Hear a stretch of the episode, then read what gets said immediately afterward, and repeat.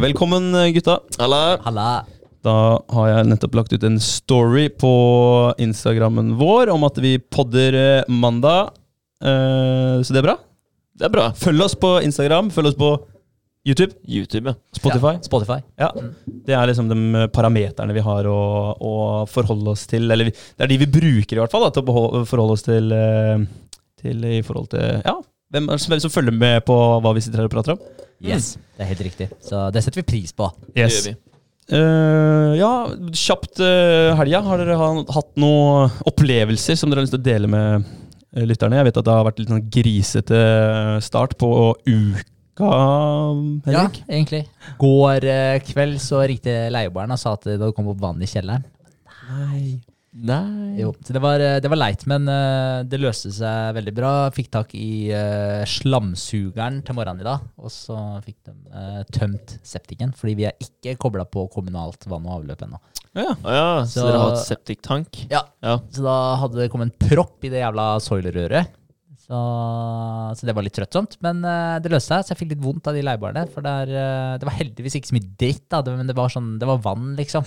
Så det var mest det vannet som hadde gått ned i røret, som hadde kommet opp igjen. Ja, ikke så- sant? den. Men uh, hvor er det du kom opp av? Dusjen, eller? Ja, sluk under dusjen. Ja. Ja. Så, men det var sjukt, og så skulle han Han måtte spyle opp den proppen når han kom, ikke sant? Så det var jo Så det var jo ikke bra, liksom, fordi da det, Spruten sto jo opp dass nede i leiligheten, ikke sant? så det ble jo litt vasking da, på de stakkars leieboerne. Så- ja, du tok ikke den jobben, nei? Nei, Nei. jeg slo av på, slo av på husleia. Ja. ja, det gjorde jeg. Så Det er vel fair, er det ikke det? Jo, jeg tenker det. Jeg Ja. tenker det. Så, men jeg fikk litt vondt av den, da. Men uh, sånn er det. Det kunne ingen noen ting for, så det er sånt som skjer innimellom. Ja, ting skjer. Ja, ja. Eh, Men det løste seg. Det tok ikke mer enn tolv timer før problemet var løst, så da, og nå er det ute av verden. Så det er, eh, så det er bra.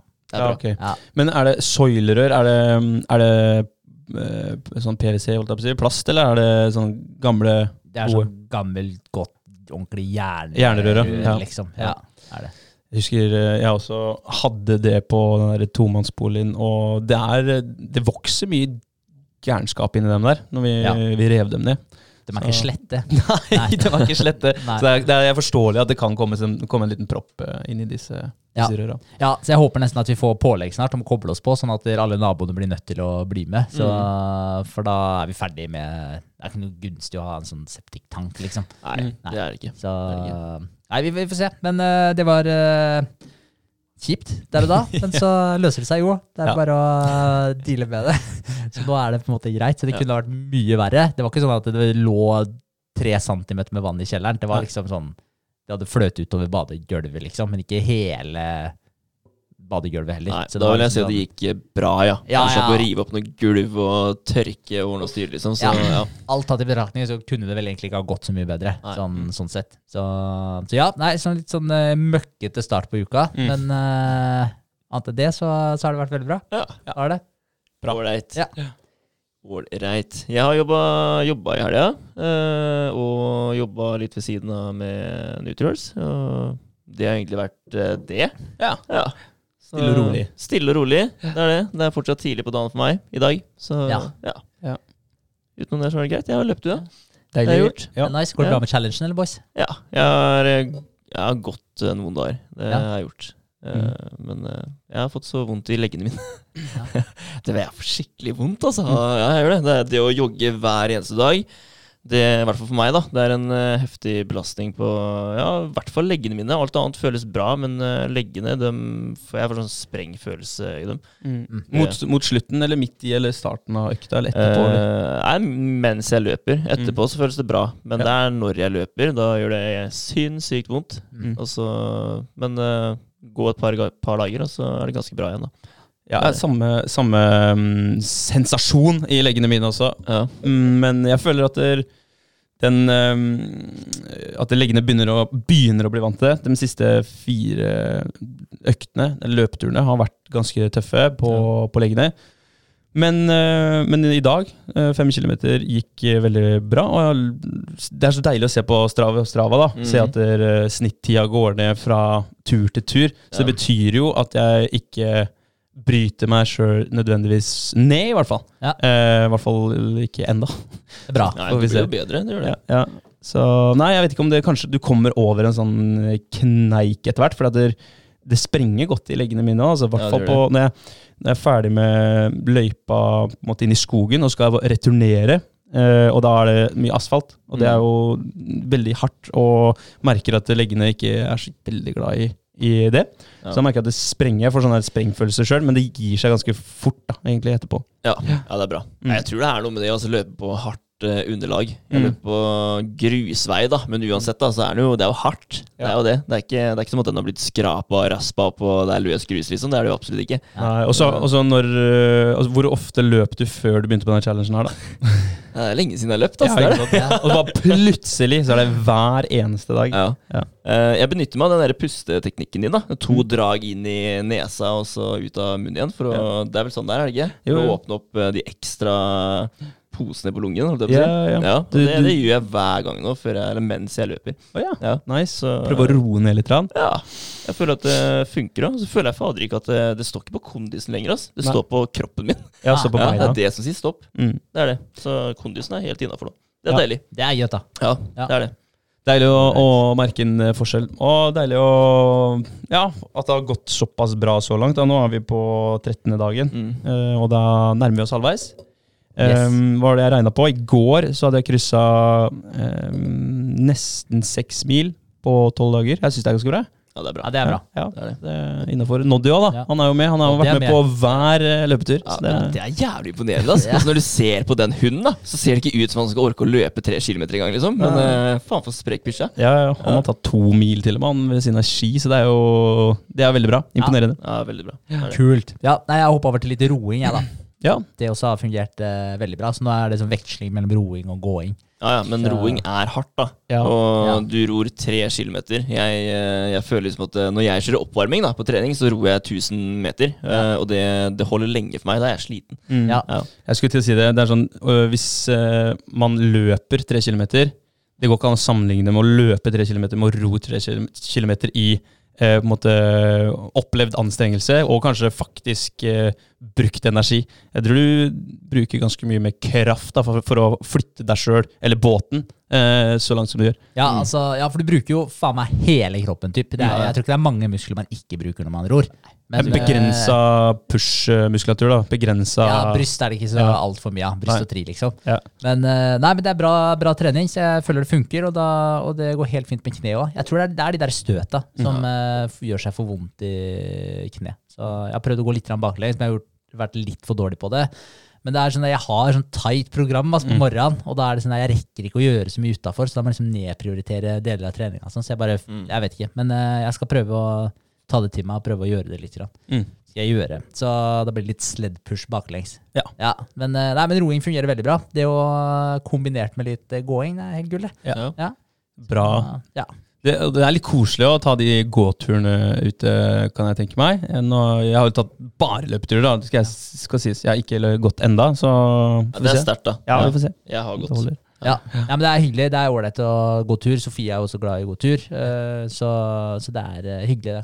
Så komme seg litt ut. Gjør det når du løper, og for den saks skyld. Men det er, eh, det er godt. Bare gå og høre litt på lydbok og Det er ålreit. Ja, det er det. Jeg liker det. Mm, ja, og det, eh, vi snakka litt om på vei opp hit, Henrik, snakka litt om sånn konkurranseinstinkt. Eh, og det, når du sier det her med hygge og komme seg ut og gå litt, ja, det er jeg helt enig med deg. Det er hyggelig.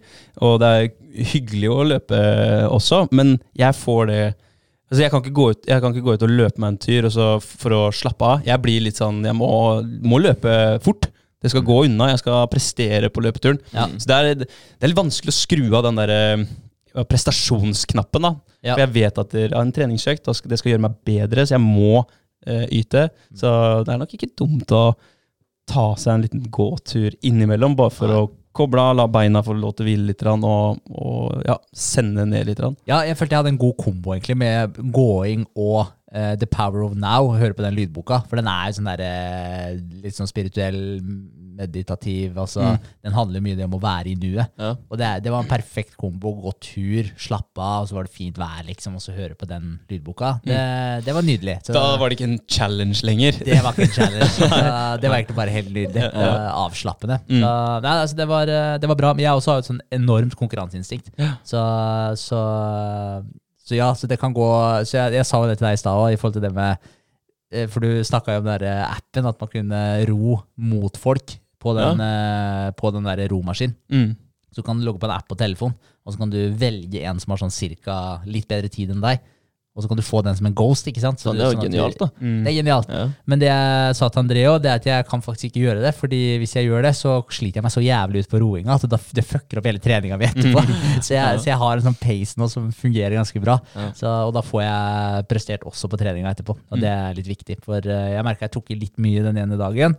Og treningsøkta mi etterpå da, det var, eh, det var katastrofe. Jeg fikk liksom ikke Mm. Nei, var, jeg var var, redusert. sliten. Ja, Ja. jeg var det. Så jeg tenkte at der, eh, den konkurransen jeg får ha den litt til gode. Mm. Men roing det skal jeg gjøre mer av. Det har jeg fått eh, sansen for. Jeg syns det er ålreit, selv om tre kilometer er langt. Ja, det er langt. det tolv minutter med roing. Det er, det er litt lenge. Ja. Men uh, samtidig så er det Nei, jeg liker det. Syns det er bra. Ja. Hvis du har en pace Nice. på, på to minutter, så er det tolv minutter på ro, romaskin. Ja. Men hvis du har en pace på, som er ganske normalt for de som løper en del, eller løper Mm. noe, så er det sånn rundt fem per kilometer. Mm. Så da tar det ca. et kvarter. Så du har jo du har tre minutter da, som du tar inn med å ro litt kjapt. Ja, ikke sant? Ja. Ålreit. Mm. Det er veldig bra. I, da, bra. I dag, boys, I dag. så, så skal vi dykke litt ned i uh, Litt å le, Vegard. Ja. Ja.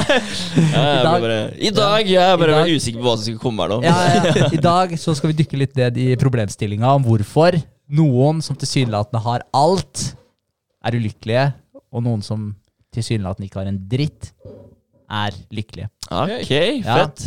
Det er, eh, det er faktisk eh, Altså det er et tema jeg syns er veldig interessant. Eh, både fordi eh, i utgangspunktet så, Altså hele tiden i hverdagen altså, Jeg vet ikke, man etterstreber jo Man etterstreber uansett hva man driver med, så etterstreber man jo nesten alltid å ha mer. Ja. Gjøre mer, få til mer, ha mer. Altså, det er alltid mer. Mm. Og det med å på en måte kanskje Kommer det en ny iPhone, så skal du ha den nye iPhonen. Ja, Ja, det er litt sant? sånn. litt sånn. Ja. Og, men eh, så er det litt fascinerende at det er en eh, god del der ute som har altså Du hører jo om type kjendiser da, som faen meg har alt materialistiske på plass, Mm. Men som er eh, dritulykkelige, kanskje eh, rusavhengige, de deprimerte. Og så, og så har du noen som liksom ja, type er hjemløse på gata og hjelper alle rundt seg, er strålende humør hver eneste dag. Og det er jo eh, ganske fascinerende hvordan, hvordan det der blir til. Altså hva, hva er forskjellen der? Og det som er casen, hovedclouet her, det som går igjen, det er takknemlighet. Takknemlighet. Takknemlighet. Ja. Og det er eh, det jeg tenkte vi kunne prate litt om i dag. ja, fett.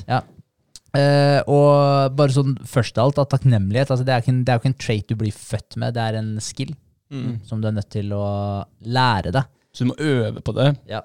Per definisjon så må du faktisk ja, Litt sånn som vi har snakka om alt mulig annet på den poden her, at du må gå litt inn i deg sjøl og ja, kanskje skrive litt, eller Ja, du må sette av tid til det. Mm. Det er vel kanskje eh, basically det du må gjøre. Du må Ja. faktisk bruke tid. Helt klart. Ja, men det er jo litt med det altså det er jo Grunnen til at man er ulykkelig da, når man har mye, det er vel fordi man ikke er takknemlig for den plassen du er på nå. da. Mm. Ja, At du ikke er pla- takknemlig for det du har akkurat nå, og hele tiden har det jaget kanskje om å få mer. Mm. Ja. Kan, kan det henge litt sammen med For jeg, jeg har hørt litt at takknemlighet eh, det er eh, superviktig og bra, og det å skrive ned ting fungerer ganske bra. Men det som fungerer enda bedre, det er om andre er takknemlige overfor deg. Det um, har en helt annen på måte, impact på hjernen. Da. Det er målt med sånn fMRI-maskin.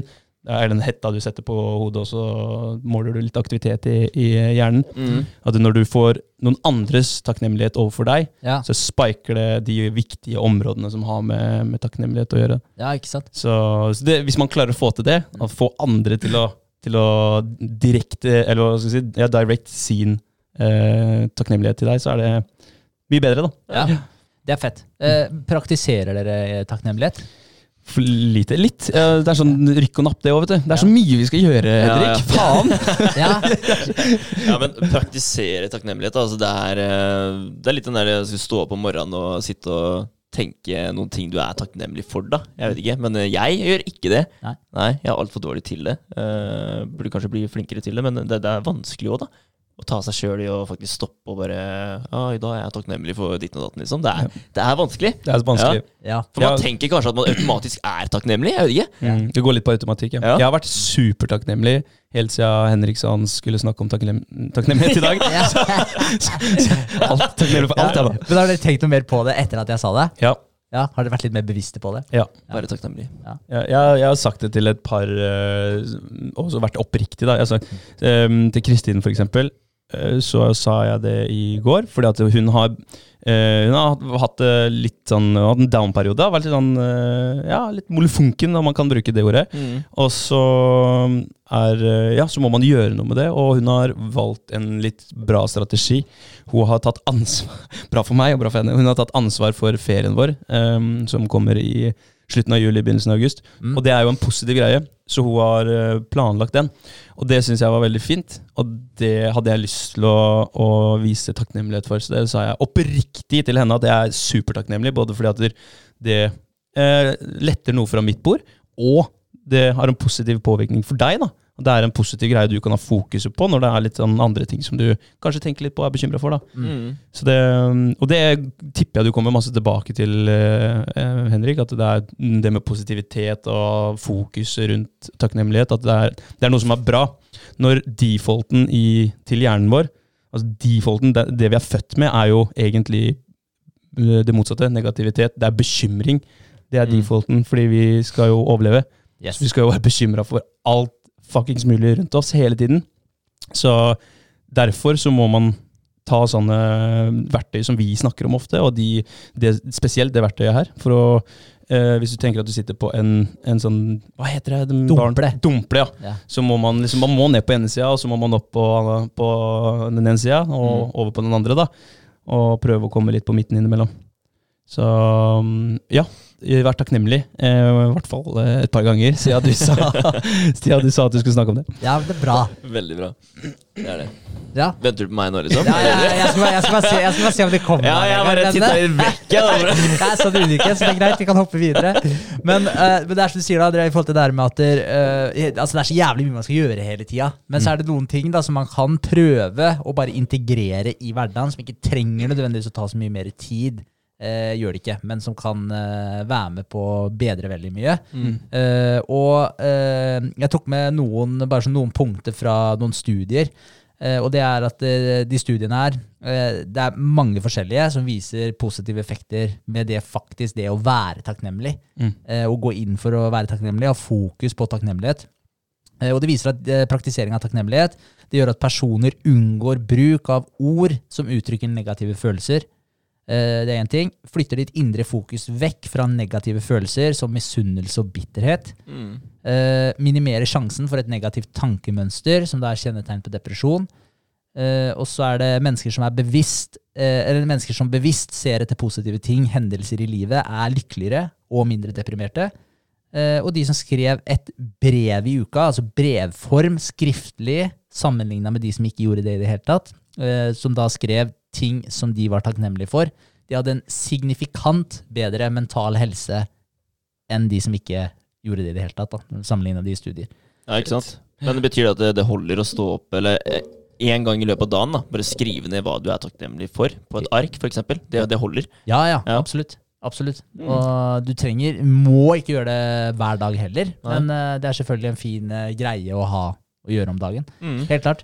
Men Så- tror du det um, Det er sikkert vanskelig å svare på, men tror du det er sånn at det er en um, adaptiv greie? At du Hvis du praktiserer den form for takknemlighet, at du skriver ned ja, si fem punkter da, som du er oppriktig takknemlig for akkurat nå, uh, og så gjør du det en gang i uka, eller to ganger i uka, tre ganger i uka, hver eneste dag, at du Den effekten det har på hjernen, eller på sinnet ditt, at den vil på en måte avta. At du blir vant til å være takknemlig. At du må gjøre noe mer da, for å Ah. ha samme effekt. At du Bygge må, på rusen, liksom. ja, du må bygge på rusen. At du Ja. må være enda mer takknemlig, hvis du skjønner hva jeg mener. Jeg skjønner hva du mener, men jeg, jeg, tror ikke, jeg tror ikke det er helt sånn. Altså, fordi greia er at du vil Det som det gjør da med deg når du begynner å fokusere på ting du er takknemlig for, du begynner å spotte de tinga du er takknemlig for, og da kommer man litt over til den der fysiologiske effekten som det eh, med å praktisere takknemlighet har. Mm. Når du eh, er takknemlig for en ting, så det Så får du noen reaksjoner i hjernen. Vi har snakka en del om dopamin før, Mm. eh, og serotonin også. Mm. Så du får en uh, utskillelse av både dopamin og serotonin. Mm.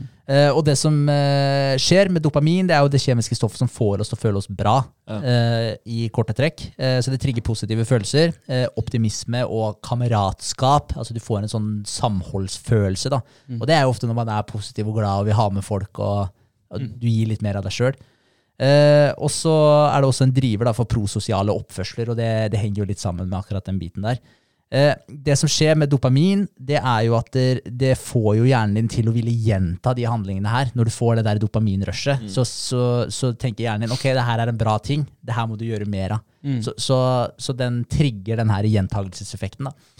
Eh, så det er det også, når du begynner da å, å, å lete etter ting å være takknemlig for, og begynner å anerkjenne det, og du får den takknemlighetsfølelsen, så vil det trigge hjernen din til å se etter mer ting som du er takknemlig for. Så jeg tror ikke du vil ha den avtagende effekten. Jeg tror faktisk du vil legge merke til mer ting Mm. som du er takknemlig for.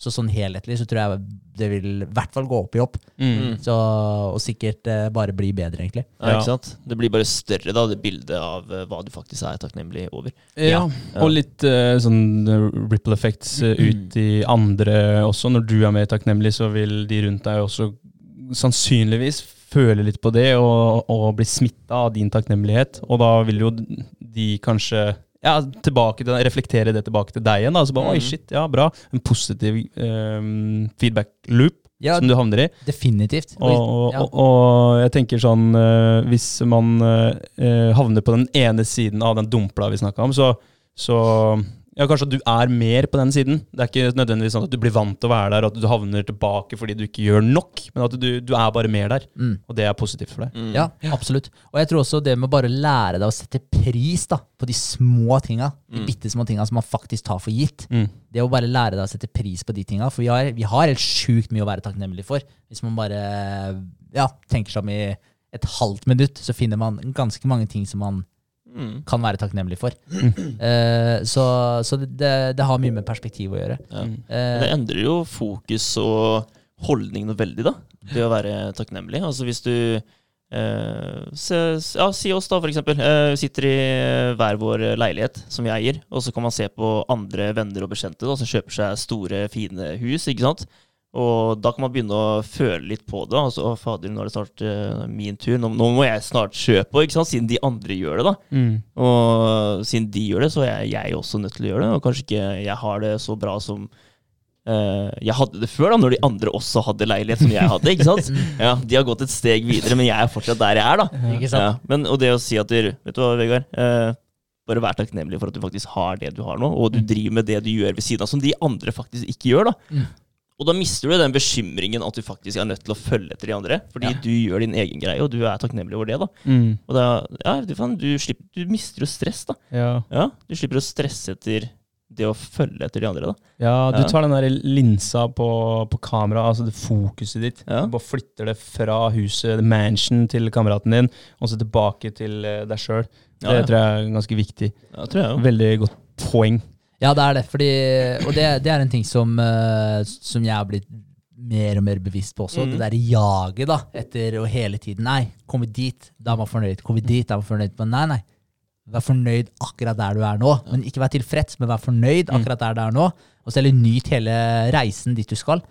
For uh, å bare lære deg å, å nyte prosessen. For det er jo sånn der, eh, altså Hvis du leser en eh, bok og sånn også, altså det er jo sånn der, eh, når du er ferdig med boka, det er en veldig tilfreds følelse. Men så litt etterpå så er det sånn ah, Mm. Faen, liksom, hva skal jeg gjøre nå? Ja. Altså, så det er liksom, Du trives jo med å faktisk lese boka, og sånn er det med det aller meste òg. Det, det er jo veien dit som ofte gir den beste følelsen. Mm. Eh, men da er det viktig å Men det, da går man litt også tilbake på verdier også. Altså i forhold til hva det er man ser på som verdifullt nå. Er det det svære huset du vil ha nå?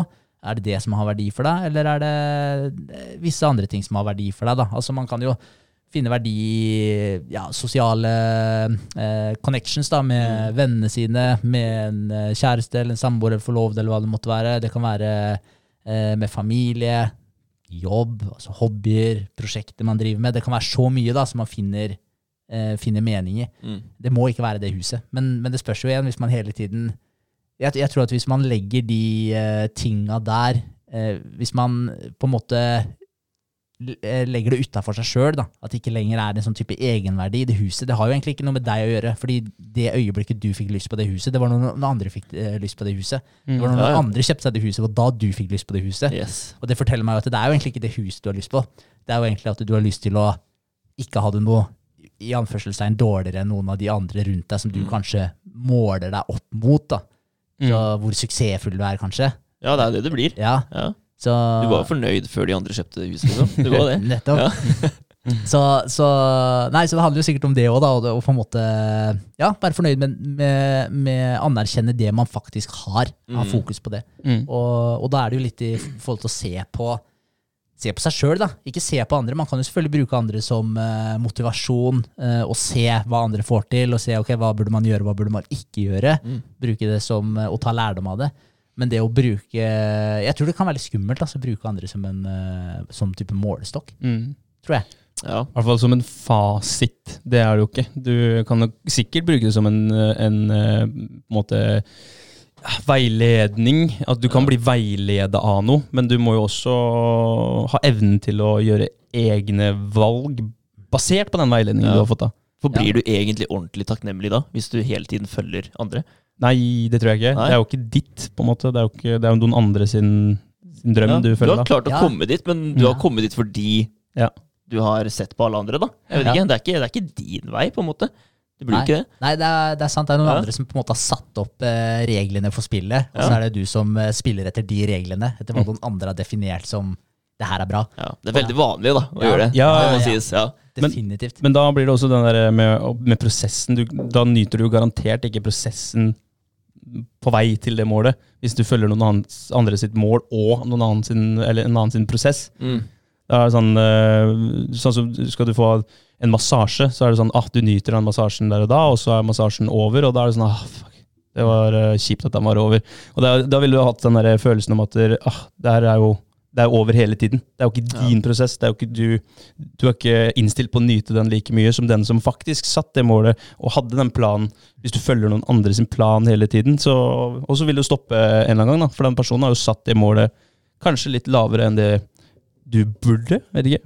Mm. Så nei, følge, følge sine egne verdier og tanker og målsetninger er nok eh, bra. Ja, Ja. det tror jeg òg. Men det må jo være en stor eh, grunn, da, eh, som vi snakka om i stad, at folk eh, blir ulykkelige da, og til slutt begynner å ruse seg. ikke sant? Fordi eh, eh, de får det jaget om å hele tiden få noe mer, få noe mer, få noe mer, og aldri er takknemlige på den plassen de er. da. Og når det til slutt sier stopp, da, hvis du f.eks. følger andre, da, så begynner de å roe ned, ikke sant? Og da vet ikke du lenger hva du skal gjøre etter det. da. Og da har du et sånt savn da, i livet ditt Ja. som du er nødt til å fylle, og da blir det med andre ting. da.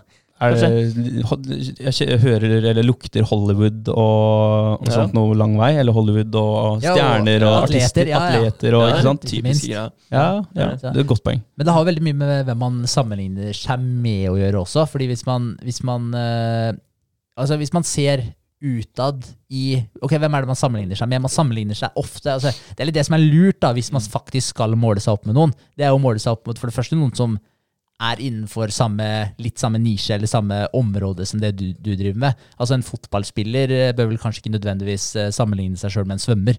Altså, altså Det blir kanskje litt feil referanse. En fotballspiller burde kanskje sammenligne seg mer med andre fotballspillere. Ja. Og så bør du jo kanskje måle deg litt opp mot de som er litt bedre enn deg, og de som eller i hvert fall at du utfordrer deg da, med de som, er, de som er litt bedre enn deg og litt uh, dårligere enn deg når det kommer til konkurranse og det å utvikle deg og sånn. Men det med å sammenligne hvor mye du har, og hvor mye du har oppnådd, den tror jeg er litt skummel, fordi det er alltid noen som har oppnådd veldig, veldig mye mer enn deg. Ja. Mm. Og, og bare se for deg, hvis man tenker sånn økonomisk sett, da, hvis du ser på uh, den, uh, hva skal jeg si, den økonomiske klassen som vi er i nå, og så kan du tenke deg noen som er litt over deg, noen som er litt under deg, og så, og så tenker du ok, skal du jage deg opp til, til neste, si neste 10 Mm.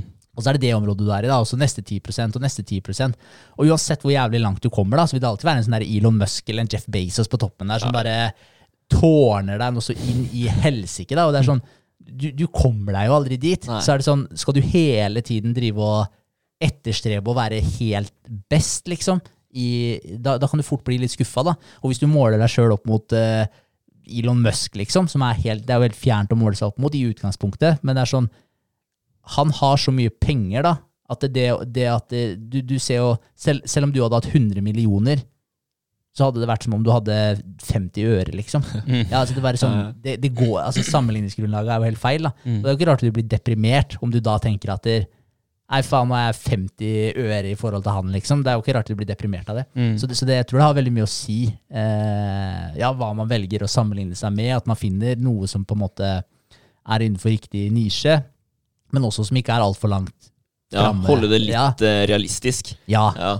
Så, ja, jeg vet faen. Men hårete, da. Det må jo, altså man må kunne altså, Hvis det sitter noen der ute som bare "Faen, jeg, jeg har lyst til å komme på Elon Musk-nivå. Ja, Ja. bra. Good for you.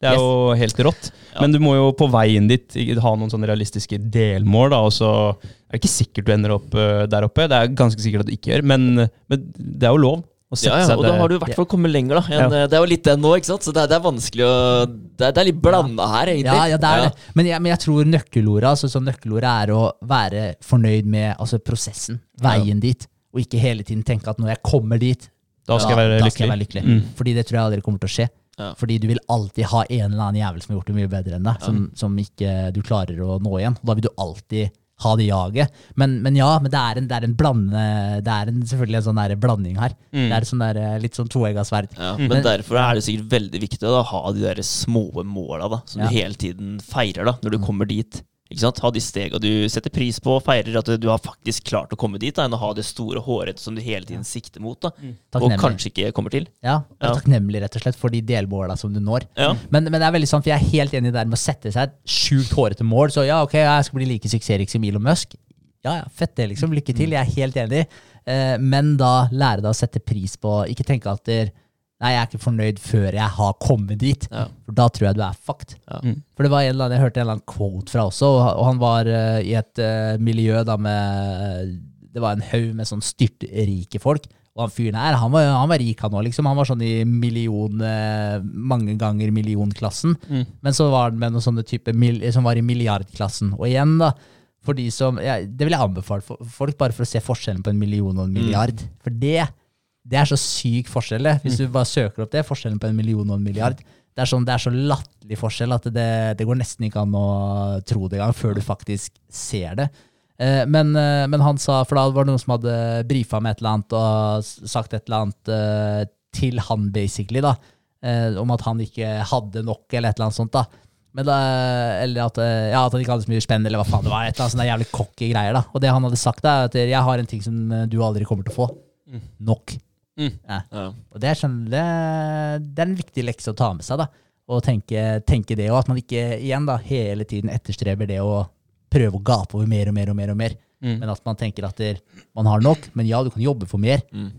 Men på en måte igjen da, være litt fornøyd. da. Ikke tilfreds, men fornøyd. Det er en Mm. viktig distinksjon. Det tenker jeg òg. Men én en milliard, bare for å uh, clarify that, det er tusen av dem du trenger, for å, eller tusen av millionene, for å få én milliard. Ja. Ja. Det er ganske mange millioner. Ja, det er det. Tusen millioner! Det er mange, ass. ja. Ja, det er, uh, ja, det er, helt, det er helt vilt, faktisk.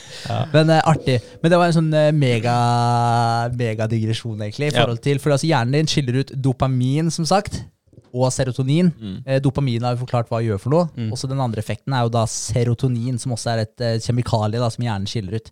Og det er viktig for både våkenhet og søvn, oppmerksomheten din, eh, stemningsleie, viljestyrke og humøret ditt. Eh, så det bidrar til å være en sånn der, til å regulere den her humør-, stemnings-, berg-og-dal-banen din. Mm. Eh, så den er selvfølgelig veldig, veldig viktig. Og så bidrar det også til økt motivasjon.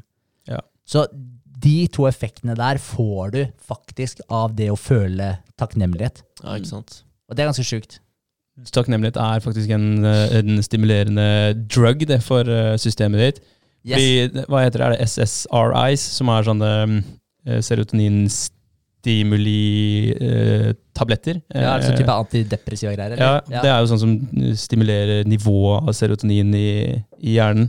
Det er, eh, det er jo heavy greier som eh, er dumt å fucke med eh, hva skal jeg si, utenfor syntetisk. da. Mm. Og bedre å eksperimentere innenfor din egen, ditt eget sinn. Ja. jeg.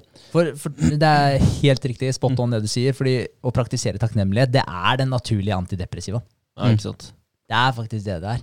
Så, men så føles det jo godt òg, da. Altså når man, når man faktisk eh, Når du kjenner at du er ordentlig takknemlig for en ting. Mm. Og det kan være at noen har gjort noe for deg, men bare sånn Fordi det er ofte, hvis man ikke er bevisste på det, så er det ofte når noen gjør noe for deg, at du blir takknemlig, eller du får en ting. Eller det er som regel i de banene der, da, når man først tenker at det, shit, det var hyggelig, liksom. og Du kjenner den der takknemlighetsfølelsen for det. Mm. Men den følelsen kan du få mye oftere da, ved å faktisk bevisst gå inn for å være mer takknemlig. Mm. Ja. Det her har vi snakka om før, tror jeg. Det er med hvis du får, eh, får noe, da. Noe skikkelig Oi, det, det hadde jeg ikke forventa. Typ eh, noen spanderer en eh, middag på deg, da. Ja. Som Ja. nylig har skjedd oss. Yes. Og ofte da, det er, det er en kostbar greie når det er mange som spiser sammen. Så ofte da så sier man nei, nei, nei, nei, nei, nei, det trenger du ikke. Nei, nei, Man begynner å blodnekte på det. Da setter du en liten sånn um, uh, Hva heter det? Serotoninblokker på deg sjøl, da.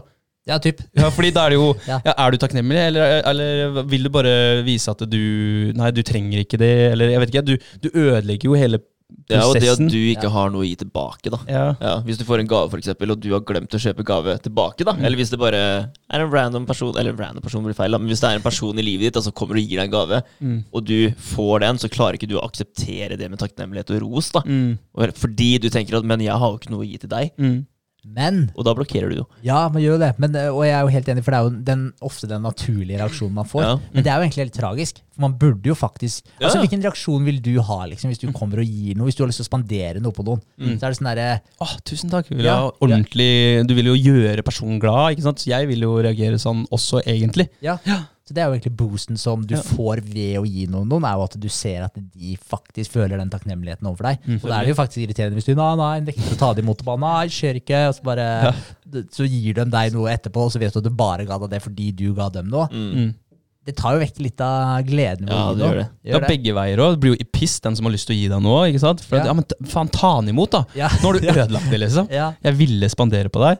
Ja. Ja, Men det er en god greie da for å, for å få mye takknemlighet inn i livet ditt. da Det at du faktisk gir noe. Du er takknemlig for den dagen du skal ha med en annen person, Ja. og du spanderer mat, da, eksempel.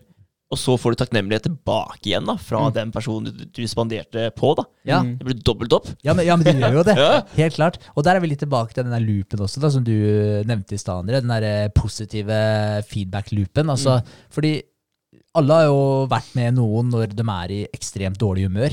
Og de suger jo faen meg livsgnisten ut av deg. Ja, men det, det skal ikke så mye til. Nei, Hvis du er Nexans. Nei, Det er ikke kødd, ass. Ja, ja, ja, men jeg kødder ikke. Altså, hvis du merker at noen er i sånn potte sure, liksom, og du er nødt til å være med dem Men det er ikke sånn der at det, de, Altså, jeg, jeg tar en person som er straight up forbanna hvilken som helst dag overfor den personen som er Som du merker er jævlig dårlig humør, men som ikke sier det. Mm. Fordi det, jeg ikke, det suger faen meg energi av det. Mm. Så, så, og, da, og da blir man fort i dårlig humør sjøl, fordi det, det påvirker deg så sjukt. Så, så bare den der motsatte biten der, ved å faktisk eh, skape den positive greia, skape den positiviteten, gjøre en ting som noen eh, blir takknemlig for, eller vise at du er takknemlig overfor en annen person, og skape den der. Fordi jeg kan ta et veldig enkelt eksempel, som eh, med tanke på blomster. Mm. Så Sofie, da, samboeren min, hun elsker blomster. Så hvis jeg kjøper en blomsterbukett til henne, så blir hun dritglad, liksom. Altså, hun blir sånn utrolig takknemlig for den Mm. blomsterbuketten. Og det er sånn, det er sånn tre Hva er det det koster for en blomsterbuket? 300 kroner, liksom. Eh, det er 300 kroner well spent. Mm. Sånn, fordi det er jo utrolig hyggelig, og jeg blir jo kjempeglad av at hun blir glad. Og da, da har man en sånn skikkelig positiv greie gående. Ja, du bare gjør det hver dag, du. Da. ja. Nei, jeg, jeg tror det er viktig å ikke bruke det. Altså. Det må være litt spesielt, da.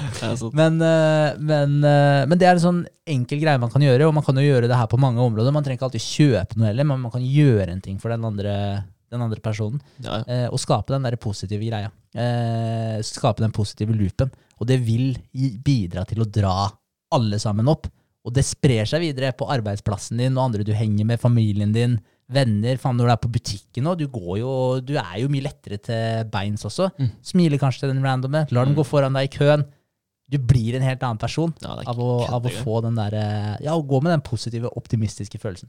Det er, det er noe som burde stå på, på kalenderen til alle. Er, eh, eh, jeg har det på min actionplan. Det, det er gjør en, eller, eh, gi, nei, gjør en god gjerning. Uansett hva det er. Om det er liksom det å bare snakke litt ekstra med en, eh, en person som du kanskje ikke snakker så mye med, men du ser er, er litt ensom, eller et eller annet sånt. Nå. Eller mm, du hjelper eh, noen på butikken med å plukke ned en tung vare, eller et eller annet. Bare gjør den lille, gode gjerningen. Mm. Det gir mye, altså. Ja. Det gir Ja, ja. sinnssykt mye. Jeg hørte det var eh, han Jim Rohn. Han, Mm. eh, jeg, jeg liker å høre på han. Han syns jeg har mye kult å komme med. Og han sa at han, eh, han mentoren hans hadde sagt til han Han het Earl Shoff, tror jeg. Earl Shoff. Og han hadde sagt til han en gang at der, hvis Det her er jo old school, da, det her er jo mange mange, mange tiår siden. Så han sa sånn, For da var det sånn skopusser og sånn ikke sant, som var på gata. Og han sa hvis, hvis, du får, hvis du er fornøyd med skopussen din, og du tenker på hvor mye du skal få til tipsen.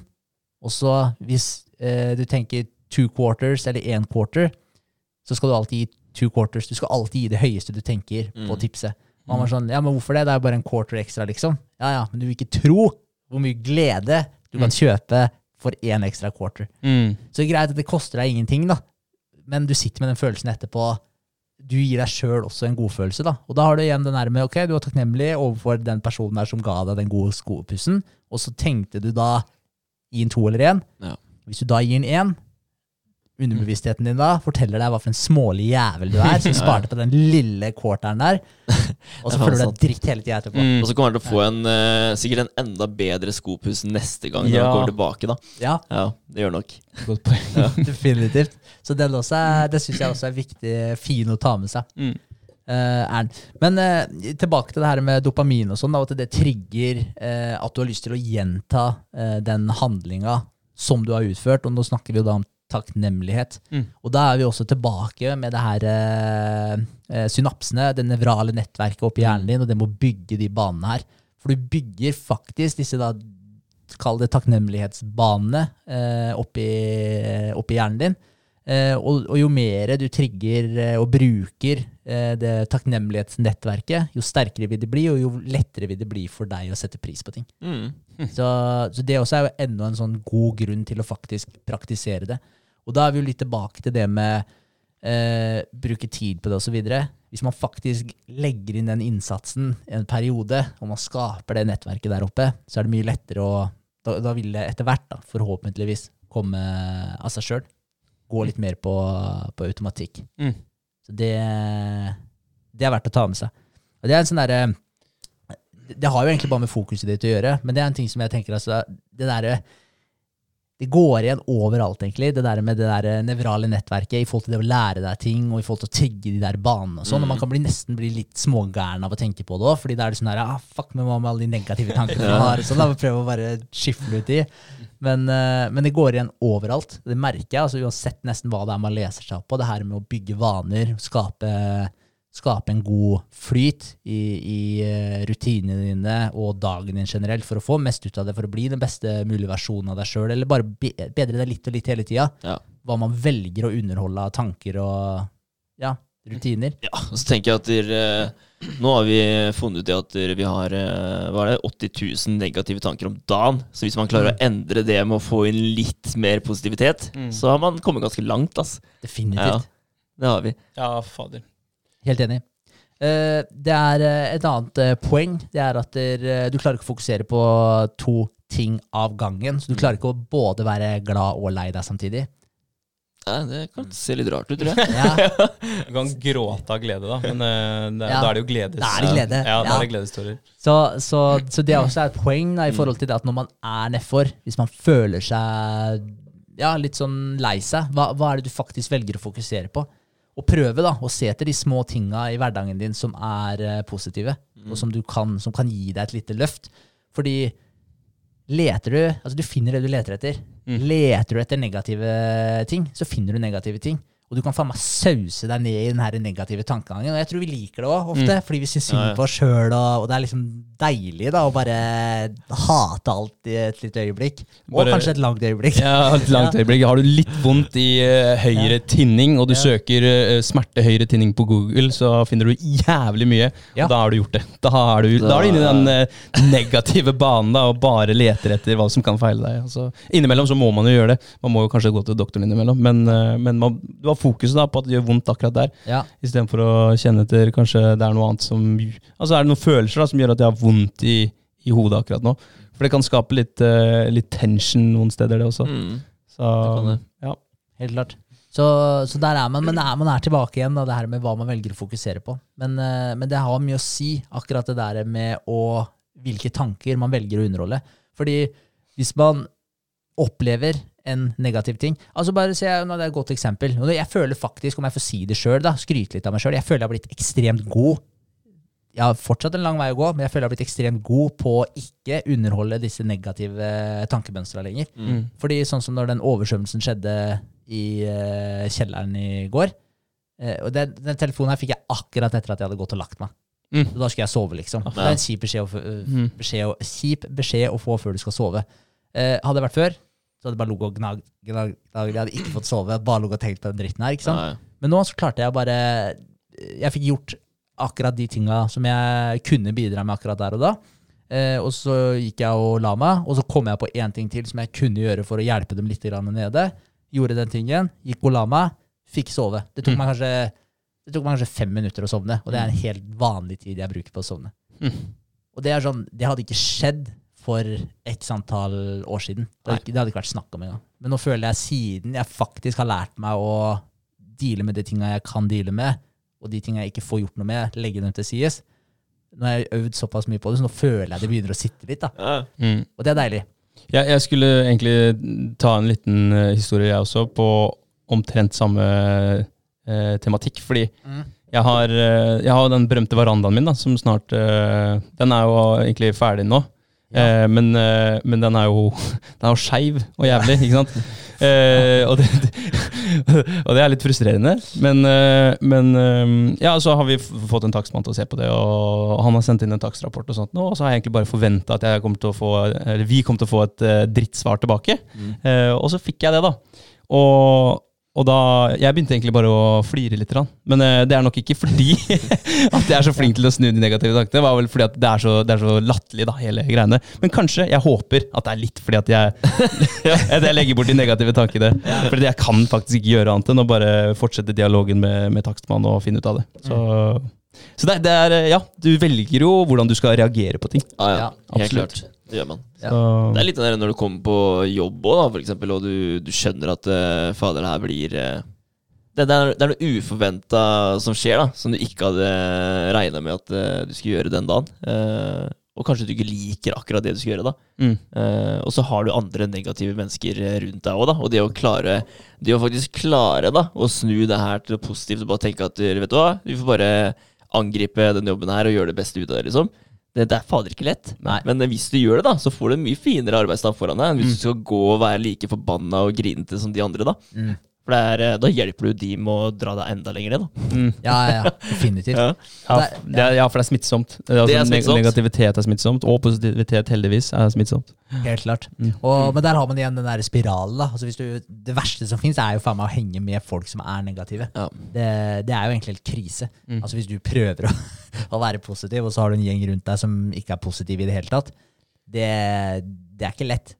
Absolutt ikke. Men, men tror dere, altså uansett hva man facer, da Hvis du bare tenker eh, Hvis du bare tenker positivt om det uansett, da altså Uansett hva det er. Altså, det, er det er mange ting vi har opplevd eh, den siste tiden som er et litt slag i trynet. da Mm. Det er sånn her, Hvis du bare Ja, bare prøve å ta det på en eh, positiv måte. Altså, det må jo være Det må være en betydelig mye bedre greie for deg og alt, da. Alt rundt det, egentlig, enn hvis du skal bli forbanna i ti minutter. Ja, for det er, det er et Ja. fair eh, spørsmål, det. Fordi man, man føler jo at det er litt cheesy å si, egentlig. Det her med Ja, man bare tenk positivt, da. Mm. Det er jo noe som de Jeg føler kanskje de alternative eh, ville sagt. At ja, man sitter i en lotus-stilling og har veldig myk stemme. og Ja, du må bare prøve å være positiv. Mm.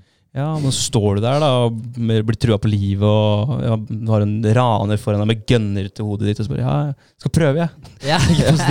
Altså, ja, det, men det føles litt sånn cheesy ut å si det, men jeg tror altså, Ja, da dør du kanskje litt mer lykkelig da, enn hvis du var jævlig redd og pissa på deg og sånt noe. Det kan jo Ja. hende. Jeg tror det er to uh, distinksjoner her. da To Ja. veldig forskjellige måter å se det på. Fordi det ene er hvis du sitter der og du øh, sier at der, øh, Nei, men uh, det er ikke et øh, ugress der, liksom. Og så er det åpenbart et ugress der. Nei, det er ikke et ugress der. Prøv å Ja. ønske bort ugresset. Det er én ting. Ja. Men å si det er et ugress der, men det går bra. Mm. Jeg kan deale med det ugresset og få luka vekk det.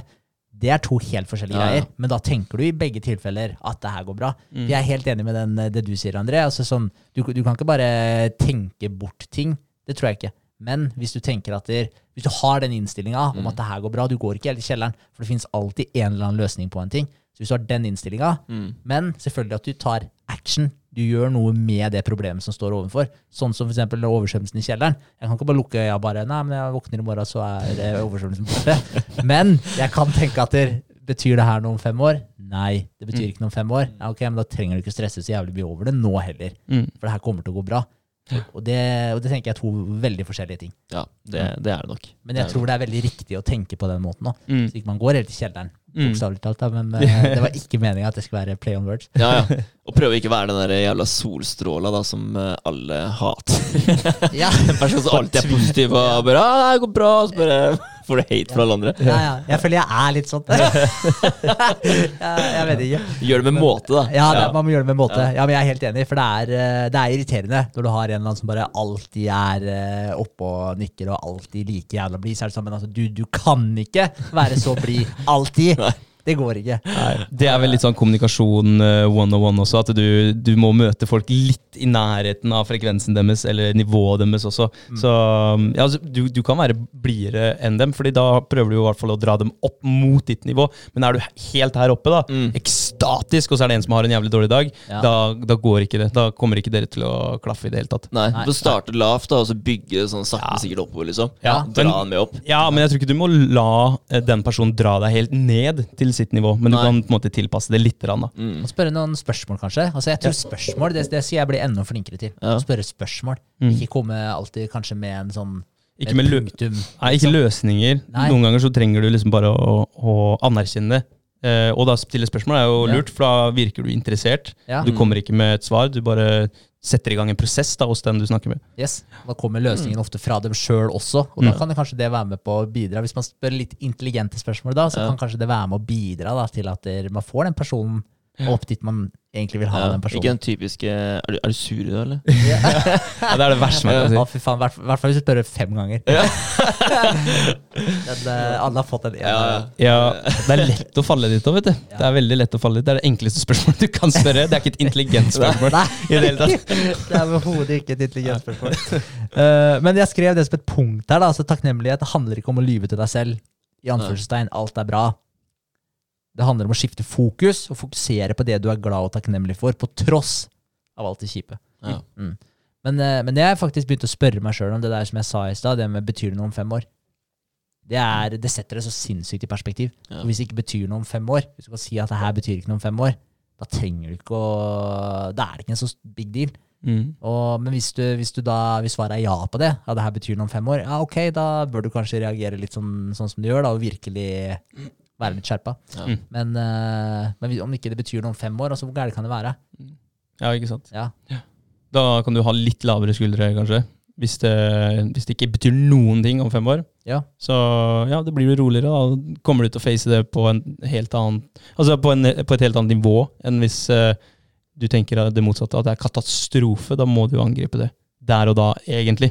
Yes, Du må gjøre noe med en eneste gang, ellers så får du ikke sove, som du sier. da. absolutt. Ja. Mm. Men jeg har, eh, jeg har jo et annet eksempel på det, hvor jeg spurte meg Jeg vet ikke om jeg sa det i det hele tatt, men jeg har jo nevnt bilen. Jeg hadde den på EU-godkjenning, og det var jo litt eh, stæsj men. Og der, eh, og der hadde jeg tenkt, eh, der hadde jeg håpa, da jeg visste at det kom til å være et eller annet, men jeg hadde håpa at ikke det skulle være så mye. Og så fikk jeg tilbud på å fikse alt de greiene her. Fikk- For, for det første fikk jeg kjøreforbud på bilen pga. Mm. sånn styreledd som man går. Ja, det er en smal sak å fikse, men så var det en del andre greier òg, da. Så, så, eh, så det ble jo det ble litt greier. Da skal jeg få et tilbud på det. Ok, Så da sitter jeg der da, med en eh, bil som jeg har kjøreforbud på, og så får jeg tilbud på å fikse det på 27 000. Og jeg bare Ok, det var litt mer enn jeg hadde, litt mer jeg hadde sett for meg. Men, eh, og da også merka jeg at jeg fikk en litt sånn dårlig følelse i magen. Litt sånn klump og bare sånn Hva faen skal jeg gjøre nå, liksom? Og så eh, spurte jeg meg sjøl spørsmålet. Betyr det her noe om fem år? Nei, det betyr faktisk ikke en dritt om fem år. Mm. Nei, ok, men Da trenger du ikke stresse mye over det. Og så hjalp det litt. Og så om jeg hadde fortsatt den ræva følelsen i magen, og så ti minutter etterpå igjen, og jeg hadde drevet og gått og gnagd på de greiene her igjen, og jeg spurte meg sjøl igjen betyr det her noe om fem år. Nei, nei, gi faen. Da trenger du ikke drive og tenke så mye på det. Mm. Og jeg kødder ikke, det bare slapp. Og da Mm. tenkte jeg det her går bra, liksom. Jeg har en jeg kan sitte på med til jobb. Jeg kjenner en som skrur på biler. Jeg kan bestille de delene her på nettet. Det løser seg. Og så, så da endte det med at jeg bare fokuserte på det jeg skulle holde på med da, og det var å mure den der trappa til kjellerleiligheten. Mm. Gjorde meg ferdig med det, og så skifta jeg fokus over på bilen etter at jeg hadde jobba i det i fire dagene det tok å mure den trappa, for det var jævlig mye jobb. men, men poenget er bare, da lot jeg det bare ligge, og jeg kødder ikke. Jeg stressa ikke et sekund over den bilen der etterpå, og jeg har ikke stressa et sekund over den etterpå heller. Det, bare, det var ikke et problem lenger. Nei. Og så fant du en løsning da, som var ganske mye bedre enn 27 000. Ja. Og det kanskje du ikke hadde funnet hvis du bare hadde sittet her og vært eh, sint, liksom.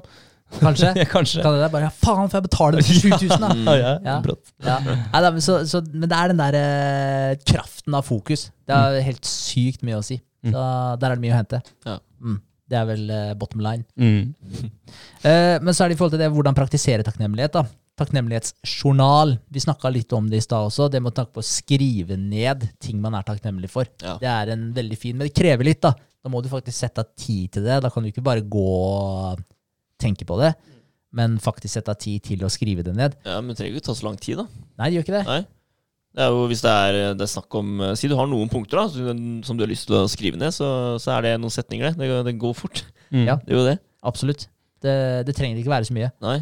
Eh, så, men eh, da er det type notatbok, Post-It, du kan skrive det på dataen, du kan skrive det på mobilen. Mm. Men jeg tror det meste, når du skriver det for hånd Det er noe jeg tror, jeg har ikke lest det, men jeg tipper man kan finne litt backup på det. Mm. Når du skriver det for hånd, så tror jeg det fester seg litt bedre enn når du skriver det på PC, kanskje. Ja, altså, du, bør, du bør skrive det hver gang, eller holder det med en Post-It-lapp som du skriver det på, og som du ser på?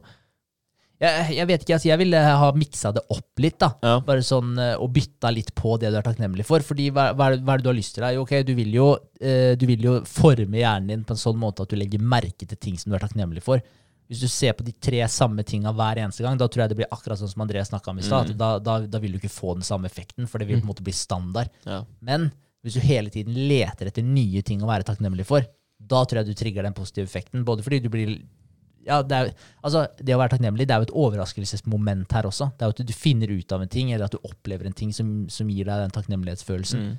Men hvis du forventer, du vet allerede hva som står der, du trenger ikke se på lappen engang. Da vet Nei. du det bare. Mm. Så, så jeg tror ikke du får den samme effekten av det i det hele tatt. Nei, ikke sant? Og så ting som er mer krevende å gjøre enn ting som er enkelt, det har som regel en større effekt på hjernen. Bare se på en bachelorgrad, da. Eh, Det er tre år med arbeid. Når du får det diplomet så, og er ferdig for en vanvittig stor eller mastergrad, eller hva det måtte være, da. En stor dopamin-rush du får da, og hvor langvarig den er, kontra hvis du skal oppnå, oppnå samme dopamin-rush da, og tar, sniffer en stripe med kokain f.eks., eksempel så er det en veldig høy peak, og så går den jævlig kjapt ned igjen. Mm. Og Det samme vil jeg tenke er i forhold til det å skrive, da, istedenfor å bare kun se på en lapp som du har liggende. At det krever faktisk ganske mange ja, mer kalorier og krever Mm. litt mer fokus, krever, øh, litt mer av deg generelt. Ja. Og skrive det på et papir enn å, enn å se på det, eller skrive det på PC, kanskje. Ja, det tror jeg du er helt rett i. Ja. Det ga veldig mening når du, tok, eh, når du refererte det. Ja, bra. Ja. ja men det er kjempegodt uh, godt poeng. Mm. Jeg tror de der lette utveiene for å få det dopamin-releasen, det Mm. tror jeg som regel er den dårligste løsningen. Det er Ja. derfor vi, øh, vi har snakka om det med dopamin detox også. Mm. Det, de, det er alle, alle de tinga vi ville fjerne oss fra da, når vi snakka om det. Ja. Det er jo enkle dopaminkilder. Mm. Det er jo den telefonen som ligger ved deg hele tiden. Det er Netflixen, det er eh, Mårud potetgull. Det er alle de veldig enkle variantene. En biff krever litt mer å tilberede enn å åpne en chipspose, f.eks. Ja. Ha. Fader, jeg er eh, veldig takknemlig over eh, de utfordringene vi driver med. Ja. Det, det er jeg, selv om det er pain innimellom. Ja. Eh, så, Ja. så er jeg utrolig takknemlig, Fordi er bare, jeg har bare vist meg sjøl at jeg er et fuckings beist. Altså. Ja. Jeg vil det, liksom. Og der har du det samme, da. Effort. Du må ut og gjøre det. Ja. Du må, det krever litt av det. Det er helt rått. Jeg fikk, den, jeg fikk skikkelig den følelsen etter eh, planken. Jeg har aldri vært borti noe så tungt før. Og kom meg gjennom det, liksom. Bare den følelsen der. Mm. Og, og klare det, da. Det, det, er, det er digg, ass. Jeg er enig. Ja, Den plankechallengen den gjorde noe med meg òg, faktisk. ja, Mm. den har holdt lenge. Den Ja. holder ennå. Ja. Ja. ja.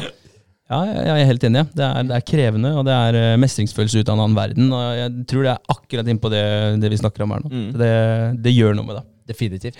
Og så sånne småtips til hvordan man kan starte med det her å praktisere takknemlighet, eh, i forhold til hva man skal se etter. da. Men det kan være noen, noen tips. Skriv ned en god ting som hendte med deg i går eller dagen før. Det kan Ja, ok, være hva som helst, bare en bra greie som skjedde. Skriv ned, skriv ned fem personlige egenskaper du setter pris på med deg selv. Eh, hva i oppveksten din er du mest glad for? Tenk på personer som har inspirert deg, og hva det var med disse personene som var beundringsverdig. Se for deg hvordan livet ditt hadde vært hvis en spesifikk positiv hendelse ikke hadde skjedd. Den også er litt interessant. Mm, ja. Så, så de, de punktene der får deg til, å- til å tenke litt. Mm. Så de er med på på en måte å Hva skal jeg si? Skape den her eh, Lete etter de Ja, det, det vil forme deg òg, da. Når du faktisk eh, tar et sånt dykk inn i deg sjøl og finner fram eh, de tinga du faktisk er takknemlig for, som du kanskje ikke ville tenkt på ellers, da. Med mindre du faktisk gjør det her. Mm. Ja, Så det er jo med på å forme deg videre i livet, da. Jeg tror det er en grunn til at man glemmer ting ofte. At man glemmer ting som har skjedd en. At man ikke går tilbake ofte nok. Og ja, som vi snakka om i hukommelsesepisoden vår, yes. at du er inne på, på biblioteket, går inn i eh, arkiv eh, nummer B, eller den, eh, korridor nummer A, eller hva det måtte være. Mm. Du aldri er der, så bare ligger det støv på alle de eh, mappene da, som Ja. ligger i det rommet. Du, du må nok- liksom tilbake og Det er nok med på å hjelpe, hjelpe dem å få bedre hukommelse. Ja, ja, det, det er det nok. Også, Ja, og- Helt og å gå tilbake. Ja, ikke sant? Sette Ja. pris på de, de tinga som har skjedd deg. Mm. Og det, mange av de positive tinga kan man glemme da, når man ikke tar det opp ofte nok. Ja. Helt klart. Jeg vet ikke hvor mange ganger jeg har eh, tenkt Jeg har fått beskjed, eller blitt spurt av hva er det du gjorde for to dager siden, så har jeg prøvd å tenke tilbake. Jeg kan huske hva jeg gjorde i gang. Ja. Er det er nok litt trening, det òg. Ja, helt klart. Men, eh, men det er, eh, jeg liker den der eh, bibliotekanalogien. Den syns Mm. jeg, den synes jeg er veldig fin. Men det, var- det var som du også var inne på i stad, André, i forhold til det med Altså, vi er jo laga for å legge merke til negative ting. Fordi det, det handler om overlevelse. Mm. Det er, som jeg har nevnt tidligere, det er, viktig, altså, det er viktigere å se slangen i treet enn å se eple, eple i tre. Ja. Eh, og, og sånn er hjernen vår bygd opp for å se farer. Mm. Så hele tiden så vil vi jo være utsatt for, for å lete etter de negative tinga. Så det med å skifte de greiene her, det krever jo en innsats. Mm. Og det er også veldig viktig å være bevisst på det. Hvis man lar det her gå på default, så, så vil du havne i det mest sannsynlig, da. Med mindre du har en eller annen eh, jeg vil kalle det en ubalanse oppi der, egentlig, da, som tilter deg mot å se etter det positive. Hvis ikke du har blitt lært det fra du er liten, eller et eller annet. da. Mm. Men i utgangspunktet, sånn rent fysiologisk, så er vi prone til å lete etter de negative tinga. Mm. Og hvis du ikke tar et bevisst valg da, på å lete etter de positive tinga, så vil det være de negative tinga du ser. Mm. Og da vil det være si rad æ, da, som Mm. du er inne på hele tiden og børste støv av de forferdelige bøkene borti der, Mm. i stedet for å gå til A, som er eh, alle de nydelige bøkene med de gode beskjedene og hva skal jeg si, lykkereolen. Mm. Da, da vil du ikke være der borte. Da er det døm deg støv på. Ja. Du må ta det bevisste valget mot å gå mot rad A. Mm. Og så er det veldig viktig at man er klar over at uh, man skal være litt takknemlig for at man er innom rad A innimellom òg, sånn i forhold til, ja, som du sa, da, survival. Det er, jo, det er jo en grunn til at vi er bygd sånn, og det handler jo om det autonome som skjer i oss. Det sympatiske nervesystemet er jo det som fyrer og kjører når det skjer et eller annet som er skummelt. Ja. Så den setter i gang hjertepumpa, du begynner å altså, Lungene dine ekspanderer, eh, luftrøret ekspanderer, sånn at du kan få inn mer luft, så du klarer å yte mer når den eh, slangen er etter deg. da, Når du skal bryte med den, så, så må du være klar. Pupillene endrer seg, så du kan se ja, faren eh, bedre, da. Og, og det er viktig, det, altså. Men eh, det er jo ikke alltid vi trenger å være, være på der. Nei. Vi trenger det hva heter det andre, parasympatiske nervesystemet også, som er eh, mer aktivt når vi er rolig, da. Og mm. han, det handler mer om litt sånn det, fordøyelse, at ting går som det skal, at du får ned pulsen igjen, at du slapper av. Og, så det er, det er viktig begge deler, Ja. at man er på begge sider, men at vi tar noen bevisste valg. fordi det, eh, automatikken er der på det sympatiske, at de, vi reagerer, at vi får opp pulsen, adrenalin skilles ut, sånn at vi kan eh, agere, da. Mm. Mens eh, det er vanskeligere andre veien. Ja, helt klart. Og det, og det handler jo kanskje til syvende og sist om kontraster. Mm. Fordi hvis du bare opplever fine ting, bare ligger på sofaen og ser på Netflix og spiser favorittkaka di, Mm. Så før eller siden så, så, så, så er ikke det ålreit lenger. Da er det nye basisen din. Så, Ja. så du er nødt til å på en måte få de litt negative opplevelsene også, for å vite hva som er positive opplevelser. Kjenne litt sitt uh, eget helvete, på en måte, da. For å vite, vite hva ditt helvete er, for å, for å kunne komme seg til det positive, da. Jeg tror, jeg, jeg tror at, som du sier, da, altså de som vet hvor negativt ting kan være, da, de har nok enklere for å tenke positivt, for å komme seg vekk fra det negative, da, kontra de som alltid er i det positive, og da hele tiden tenker positivt. Mm. Og så tror jeg, hvis du da, som du sier, ligger bare på sofaen i supermyke madrasser og, og puter og får ti- allting servert til deg, og du, du trenger ikke å gjøre en dritt, hva da? Hva skjer?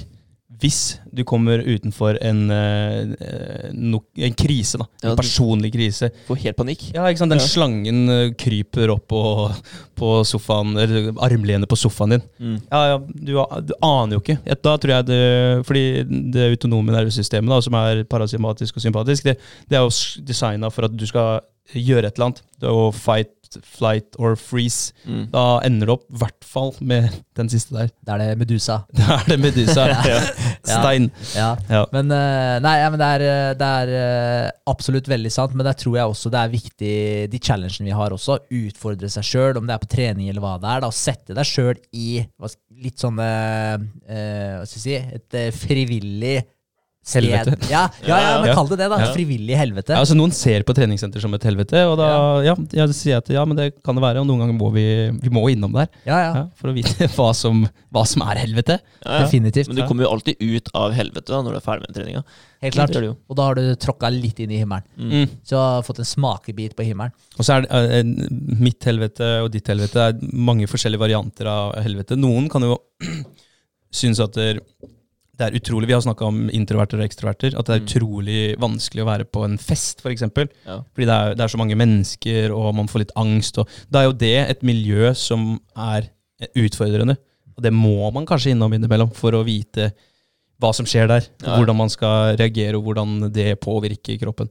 Så er det et helvete man kanskje må utsettes for innimellom, da, om man har litt angst. Ja. Ja. Men det som er, eh, vil være lurt, er jo det å oppsøke disse tinga sjøl. Bevisst. Frivillig basis. Mm. Ja, så ikke du havner For før eller siden så, så havner du i en helvetessituasjon. Mm. Altså som bare er kaos.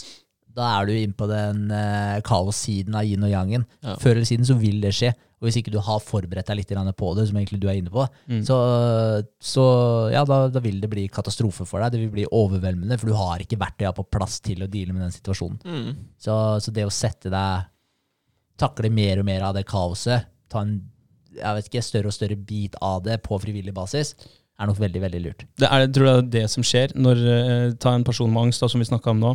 eh, at man, når man havner i en sånn stressende situasjon og ikke har på en måte trent litt på det, det er det som utløser da et eh, hva heter det, panikkanfall. Ja, Panic attack. ja. ja. Det kan, kan være det. At det er eh, at det, det som er det utslagsgivende. Den, den situasjonen som du ikke har trent litt på.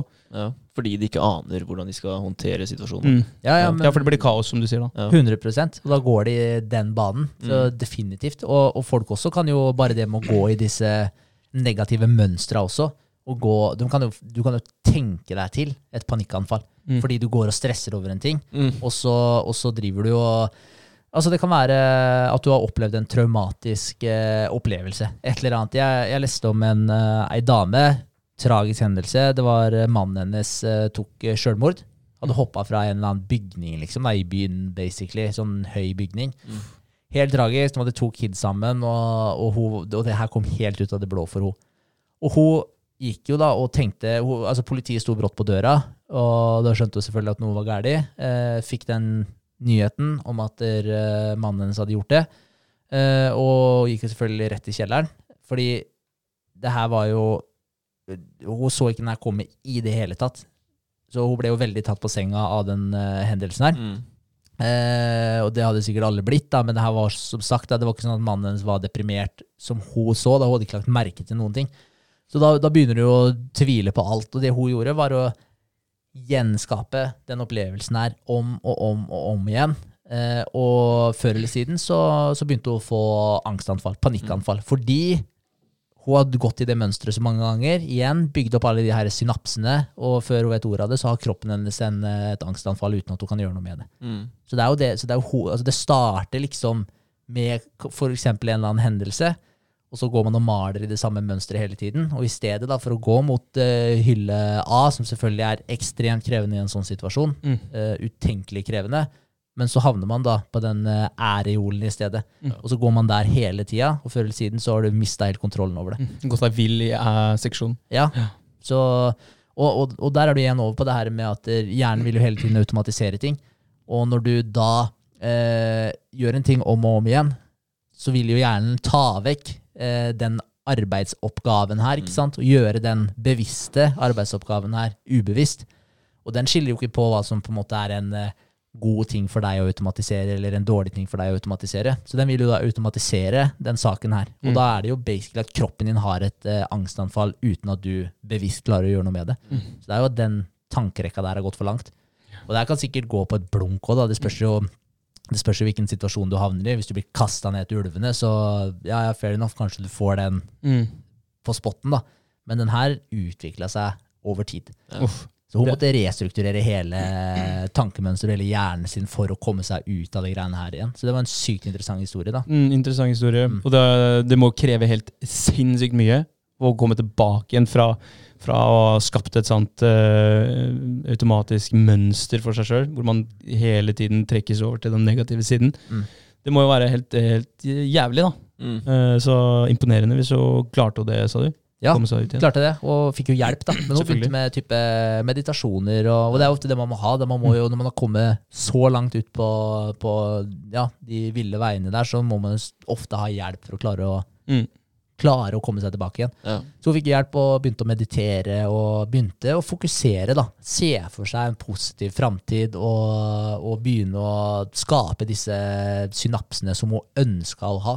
Ja, ikke sant? Det er ganske kult. Det er ganske Et bevisst kult. valg. Ja, det, det. ja, og det spinner litt tilbake til når vi snakka om meditasjon for litt siden også. Det med at man ofte bruker meditasjon Altså de verktøya, akkurat de verktøya der. Da, ta meditasjon og takknemlighet, for den saks skyld.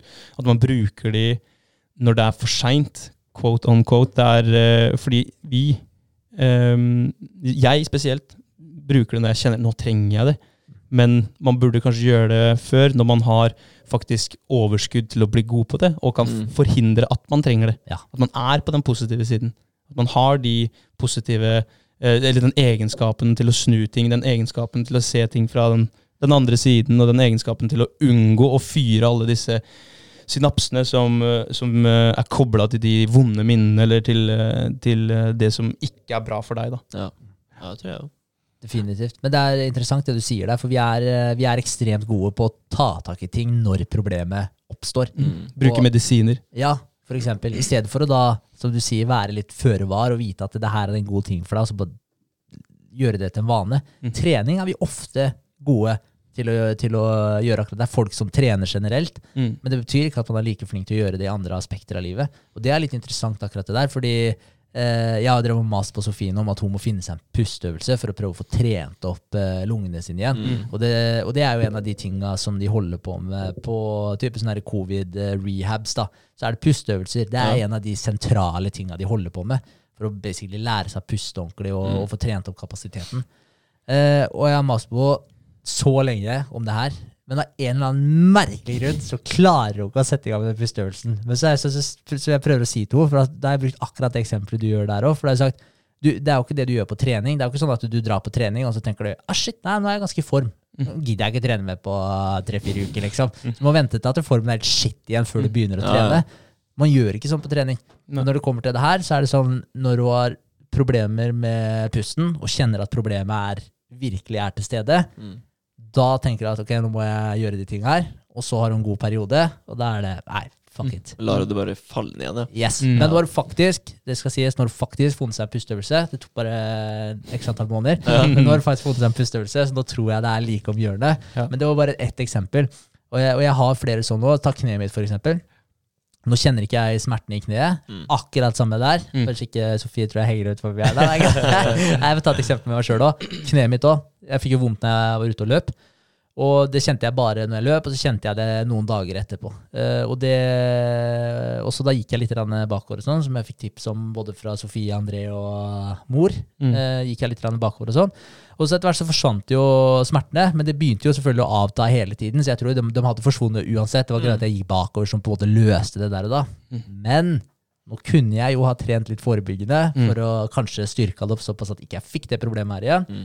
Eh, men det har jeg ikke gjort, og det tar jeg meg ikke tid til. Mm. Så der har jeg jo akkurat det samme casen Ja, ja. med meg sjøl. Tror, tror det er absolutt alle i hele verden har eh, den utfordringen der. Ja. Jeg tror det skal mye til for å være føre var på absolutt alle områder. Du er jævlig flink på veldig mange områder, men akkurat der så, så øh, sluntrer du unna, da. Definitivt. Og, og det samme gjelder ryggen min også. Jeg har masse problemer med ryggen eh, fra f eh, februar og fram til øh, ja, til og med uh, ja, når vi begynte å løpe nå, så har det egentlig Mm. sluppet. Uh, det er jeg kjempetakknemlig for.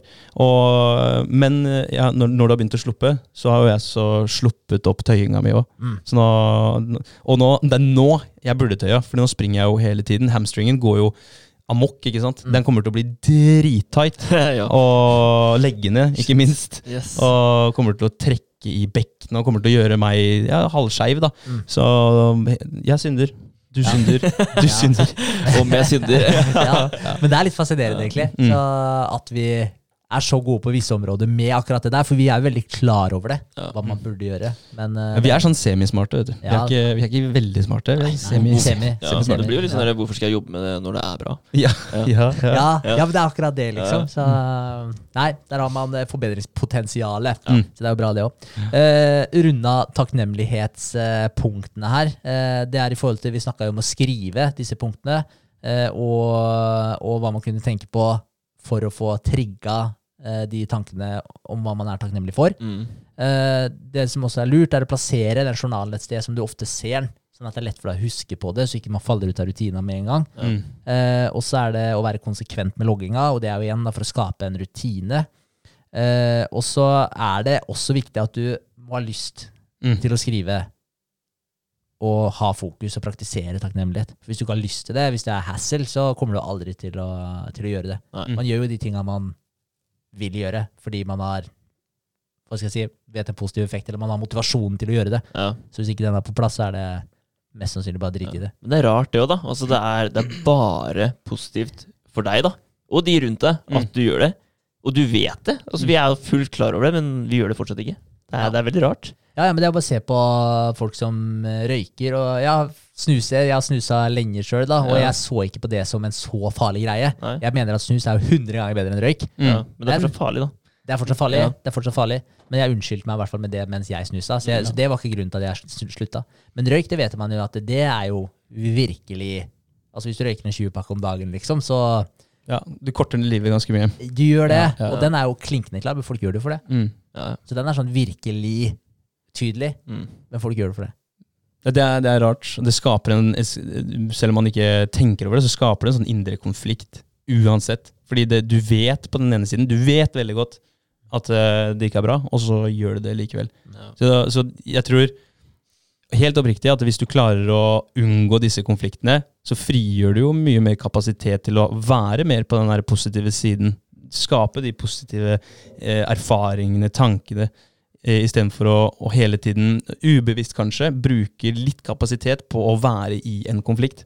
Så det å snuse og røyke er jo, det er jo eksempler, men det er, det er jo andre eksempler som er enda verre. Du har alkoholisme, du har eh, gambling, du har det, De tar jo kanskje enda mer av livet ditt Mm. og skaper en indre konflikt samt en ytre konflikt som bare ruinerer livet ditt. Ja. Uh, ja, så det, jeg, jeg tror hvis man klarer å være i mindre konflikt da, med deg sjøl, så har du, har du mer kapasitet til å gjøre andre ting som du faktisk får noe igjen for. Definitivt. Ja, Men tror, dere det, altså, tror du at det er noen som ikke har en indre konflikt av noen som helst greie? Altså, jeg tror alle har det. Alle Ja. har en liten form for en indre konflikt. Noe Ja. som de kunne vært bedre på, da, men som de ikke bryr seg om. Fordi Definitivt. mye annet er bra. da ja. Men du kunne hatt én konflikt mindre å håndtere. da. Det er alltid sånn at Ja. man kan gjøre noe bedre. Alltid. Ja. Mm. ja, det er sant. Men jeg har en sånn der, jeg har en konflikt faktisk med når det kommer til alkohol. Mm. Altså, og, det er jo, og da snakker vi jo åpenbart ikke avhengighet. Det er ikke alkoholisme jeg snakker om. Men jeg, Faen meg det der. men, men jeg snakker om bare generelt det å, å drikke, da. Mm. Fordi eh, når, når man først skal ta noen øl, man skal på byen og sånn, da. Når, når jeg eh, tar noen øl, så har jeg alltid lyst på en øl til. Mm. Sånn er jeg bare. Jeg har alltid lyst på en øl til. Da. Og det ender med at jeg blir god i formen, og så er det sånn her, og så er jeg sliten dagen etter. Mm. Og så jeg kan drikke tre øl og kjenne at jeg har litt fylleangst dagen etter. Jeg kan huske hele kvelden. Det trenger ikke være noe blackout, ingen verdens ting, men jeg, får, jeg, jeg føler meg ikke bra dagen etter. Og det er ikke fordi jeg er fyllesyk, men fordi jeg, jeg bare føler det er et eller annet med Jeg får litt sånn angst. Mm. Sånn litt sånn der angstete følelse. Type fylleangsten, da. Ja. Og, og jeg trenger ikke vært full engang, men jeg får litt sånn angst. Akkurat som jeg har litt sånn dårlig samvittighet. Det er et eller annet som bare Jeg har en sånn konflikt når det kommer til det der. Ja. Og det plager meg helt jævlig, for da er jeg sånn derre Men hvorfor drikker jeg da? Og så har jeg det egentlig veldig gøy. jeg syns det er dritkult. Ta seg et glass whisky, ta meg et par øl, altså dra og bowle for eksempel, og pilse. Altså, det er utrolig hyggelig, så jeg digger det på ene siden. Ja. Men samtidig så, så gir det meg en sånn der ræva følelse på andre sida. Ja. Så jeg har vurdert flere ganger om jeg bare skal Fuck it, skal jeg bare bli nykter, eller, eller skal jeg ikke det, liksom? Ja. Så, så jeg har den konflikten. Men du heller jo i deg gift, da. Det er jo Ja. noe med det. Altså, det er jo ikke Du vet jo sjøl at det du dytter i deg er ikke bra. Ja. Det er jo ikke det. Men uh, eksempel da, når vi var ute og golfa for en uh, stund siden, så, så runda vi av klokka tolv. Du Ja. var litt før, da, men uh, da dro alle hjem. Jeg satt fortsatt lenge våken, men da var jeg ferdig med å drikke, da. Ja. Mm. Ja, klokka tolv. Da var liksom siste pilsen. Ja, når vi tatt. bobla. Ja. Ja. Så det var en, en tidlig kveld sånn sett, da. For du, altså, vi dro ikke ut og fortsatte på et utested liksom, til klokka tre på natta. Det gjorde vi ikke, og dro hjem. Og jeg følte at det var veldig innafor, da. Ja. Vi hadde hatt en lang, fin dag, og alt var koselig. Og, Helt enig. ja. Så å gjøre det på den måten, da, det er veldig ålreit. Ja. Ja. Det er liksom, men det er vanskelig, da. Ja, det er, Det er, Men, jeg- men jeg har, jeg har samme som eh, Eller litt, litt i samme gata. Jeg har også en sånn konflikt med, med alkohol. Da, fordi jeg merker det er gøy å glede meg til en fest. Glede meg til å samle med, samles med folka og sånt noe. Men så, sånn som Vegard sier, jeg vet at det er, det er gift. Den konflikten. For jeg, jeg vet at dagen etterpå ja, blir tung. Mm. Og så vet jeg at alle funksjonene blir nedsatt. Du blir ikke bedre til å, å snakke din sak. Du, blir kanskje, du, du sier kanskje ting som du kanskje hadde holdt litt igjen. da. Du snakker litt mer ærlig. det kan hende. Litt sånn icebreaker og, og sånt noe. Du blir ikke bedre til å stå på hendene og løpe. Eh, kanskje danse. Det kan være. Du, Ja, det tror jeg kanskje jeg òg. ja, kanskje. ja, det tror jeg også, Ja. Ja. Det er i hvert fall det jeg tror in the moment. Ja. Hvis noen hadde filma meg, så Ja. Kanskje det var Kanskje en annen sak. Ja. Ja, ehm, men, eh, men det er den konflikten med at det, alt som skjer innabords, eh, er hva heter det, detrimental. Mm. Det er ingenting som blir bedre, og det, det skaper en indre konflikt. Jeg gleder meg hver gang, Ja. men eh, angrer.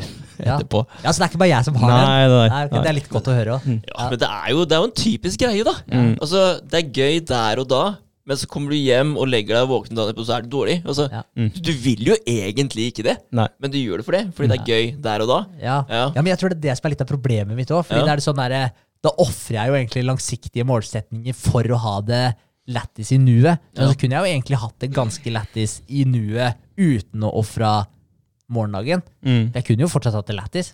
Ja. Ja. Ja, Men ikke like lættis. Faen, kan vi ikke lage noe Ja. type form for alkohol som gjør at du ikke blir sliten dagen etterpå? Det var fint. ja. Nei, jeg tror alltid det er at man, man må ofre noe. ja jeg tror det Jeg er tror det er, ligger noe der. to sider Ja. av mynt. Ja, Men, Ja. men det, er vel en, det er vel enda større påkjenning for deg nå, med tanke på alt vi driver med, da. Definitivt. Ja, det fucker opp flowen vår og alt sammen. ikke sant? Det, det setter en pause på alt vi driver med, ikke sant? og man må starte på nytt, liksom. da. Fordi Yes. det ødelegger, eh, ja, om ikke én dag, så i hvert fall to, da. Ja, det Ja. fucker opp momentet ditt. Ja, det gjør det. Ja. Ja, og Da er det viktig å ta tiltak med en gang igjen. da. Og komme seg ut og være aktiv dagen etterpå. Få svetta ut og gjøre de der små tinga som kan, kan hjelpe til. Men det er vanskelig, ass. Ja, Når man det er er dritsliten. Ja. Ja. Men jeg syns, jeg syns ikke du skal bli nykter, altså, Niknes.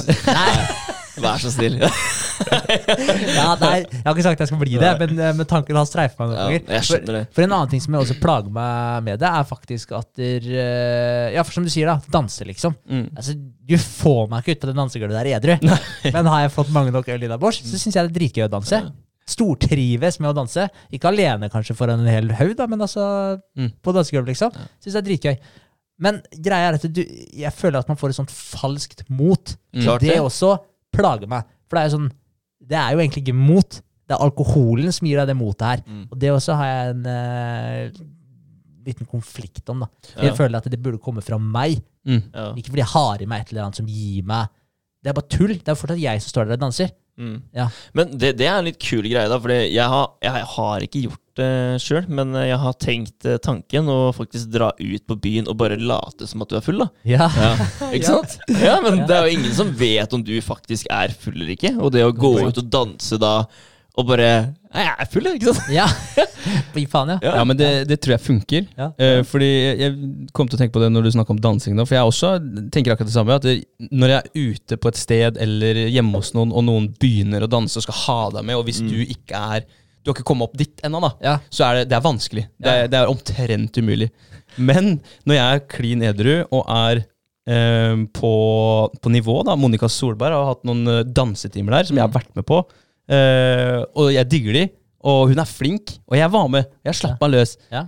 Men da er jeg i et annet element. Altså det, det er jo et eller annet med en innstilling her. Yes. Ja, ja. Så, og da, da var jeg sammen med kanskje 14 andre damer da, som åpenbart er bedre enn meg i, i det. Og jeg naila kanskje 10% av den, dansemovesa som jeg skulle. Ja. De 10 ga meg mestringsfølelse, og jeg hadde det gøy, da. Ja, men da er det jo også en time, da. Altså Hvor målet er å bli bedre. Mm. Ikke sant? Så det er akseptert at du er dårlig der. Ja, kanskje Ja. det. Ja. Men, og det tror jeg det, men det er jo setting òg, da. Ja, ja, ja, helt klart. Hvordan du, hvordan du stiller inn hjernen din. For Hvis du hadde stilt inn hjernen din sånn som du sier, eh, Vegard, at Nei, jeg er, jeg, er, eh, jeg er full i dag. Jeg. jeg skal i hvert fall late som jeg er full i dag. Mm. Ingen andre tenker på meg som edru. Så de kommer til å se meg på dansegulvet. Ah, Vegard er full og danser og er lættis. Da, da får ikke det noen konsekvenser for deg, annet enn at du kanskje får hørt det. da, At ja, du var i fin i formen i går, Vegard. Ja, det er sant. Og så var du egentlig Ja, du var jo det. Skal jeg late som at jeg fortsatt var det, men eh, Ja, ja. jeg vet at jeg ikke var det. Ja, men, men, ja, tror dere at det er litt sånn eh, primitivt òg? Så akkurat det med, det med å danse, da. Uh, foran andre, altså i den settingen når du er på en fest, da. Altså det, det, det går kanskje litt tilbake til altså, type paring. da At Du skal vise deg fram da for eh, den andre ja, parten. ikke sant? Og Ja, hvis du vet sjøl at du er dårlig da, så svikter du den eh, selvtilliten der. ja. Ja, men hva om du ikke er så dårlig? Nei, men Det vet jeg ikke. Nei, Jeg vet ikke om jeg er god til å danse eller ikke. Jeg tror jeg er veldig dårlig. Jeg har dårlig takt. Ja. ja. Nei da, men det er eh, definitivt er det jo det. Det Ja. ser du bare i naturen på fugler som driver og tar sånn der eh, holdt jeg på å si, paringsdanser. Nå kommer- nå Bruse kommer- med fjøra. Ja. Ja. Det, det heter et eller annet, jeg husker ikke navnet på det. Nei. Ja. Men det er Same shit. Men Yes. det, er, det er selvfølgelig det er et eh, poeng, det. Men eh, det er jo det at man er mye mer bevisste på hva andre tenker om deg. Mm. Det er jo det det går på. Mm. Så, Du er redd er for å drite deg ut, da. Ja, Ja. og når man drikker Igjen, det er ikke det at man ikke er klar over at andre kan se på at man kanskje driter seg ut. Man gir faen. Ja, man du har bryr en seg ikke. unnskyldning òg, da. Ja. Nei, men jeg var full. Ja, ka- ja, ja, det Ja, er faen så poeng. du dansa! Ja, men jeg var full. Ja. ja, jeg var full i år, ja. Da så. Alt er tillit. Ja, alt Ja, ja, er det er tillit, det. Tett. ja, ja, det er det. Nei da, men uh, whatevs. Ja. Det var, eh, men det er litt ålreit å høre at det er flere som har litt konflikter om det. da. Ja, Siste greia. Skrive takknemlighetslapper til andre. Det er et, eh, en ting man kan gjøre. Unngå negative samtaler. Prøve å bytte tema. Det snakka vi om i stad. Leve i nuet. Ja. Ikke drive og stresse med all negativ shit som kan skje fram i tid. Og det samme med ting som har skjedd. Mm. Og da er man kanskje tilbake til fylleangsten også nå. Mm. Ikke drive og ja, spinne rundt på de tankene der. Ta heller og leve i nuet. Aksepter deg selv for den du er. Ja. Mm. Så det er eh, punktum finale på de punktene jeg hadde skrevet opp om takknemlighet. Fett. Ja. Det var veldig, veldig bra. Det var det. Kult. Jeg skal legge til én ting òg. Sofie, det synes jeg var dritfett. Hun laga en sånn takknemlighetskrukke. Ja, ok. Ja, så det er gøy. Så da har vi den på, på kjøkkenet, i skapet der. Og så, når man er takknemlig for en ting, skriv den på en lapp, krølle den sammen og legge den oppi der. Mm. Så på et eller annet tidspunkt så bare åpner vi opp den krukka, så kan vi gå gjennom alle de tinga som vi har skrevet opp, som vi har tak vært takknemlige for. Det syns Ja. jeg var en ålreit greie, for det trigger eh, deltakelse hos meg også, da. Mm. At jeg faktisk eh, blir tvunget til å praktisere de greiene her. Ja, du skal Ja. ha flest lapper oppi den. Det er den konkurranseinstinktet. ikke sant? Bare fylle den uh, skåla. Ja, jeg skal ha, jeg skal ha lapper av kvalitet, føler jeg. Ja. Ja. Det skal være noe som jeg faktisk genuint var takknemlig Ja, for. men du blir jo mye mer observant òg, da, etter de tinga du faktisk er eh, takknemlig for. Når det først skjer, da, så, så tror jeg du catcher den mye raskere når du har det her i bakhodet, at du faktisk skal skrive ned og dytte i en krukke. Så positivt ja, ja. eh, at uh, Sofie også får sett hva du faktisk er takknemlig for. For hun får jo sett dine lapper Ja. etter hvert også. Mm. Veldig godt poeng. Ja. Lurt. Ja. At hun har begynt med pusteøvelser, for eksempel. Ja, veldig takknemlig for. den, Det den kommer nok etter hvert. Den, det kommer jeg til å bli veldig takknemlig for. Ja, Skal vi gønne på med uka som kommer, da? Ja. Vi gjør det. Ja, da Vi gjør Vi gjør det. er det Eh, ja, jeg kan starte. jeg. Ja. Ja. Uh, uka som kommer. Uh, det blir uh, å fortsette med med, med Herregud, husker jeg ikke helt hva det heter engang. Strategien. Ja, Markedsstrategien, ja. Yes. det gjør det. Eh, jeg har jo holdt på med litt uh, rydda litt på den hjemmesiden. Eh, og så gikk Henrik og Sofie, kan jeg tenke meg? Eller? Var, Nei, bare meg. det var bare deg? Ja. Ja. ok, ja. Fått noen punkter, fikk retta på det, og ja, det ser sånn tålelig grei ut.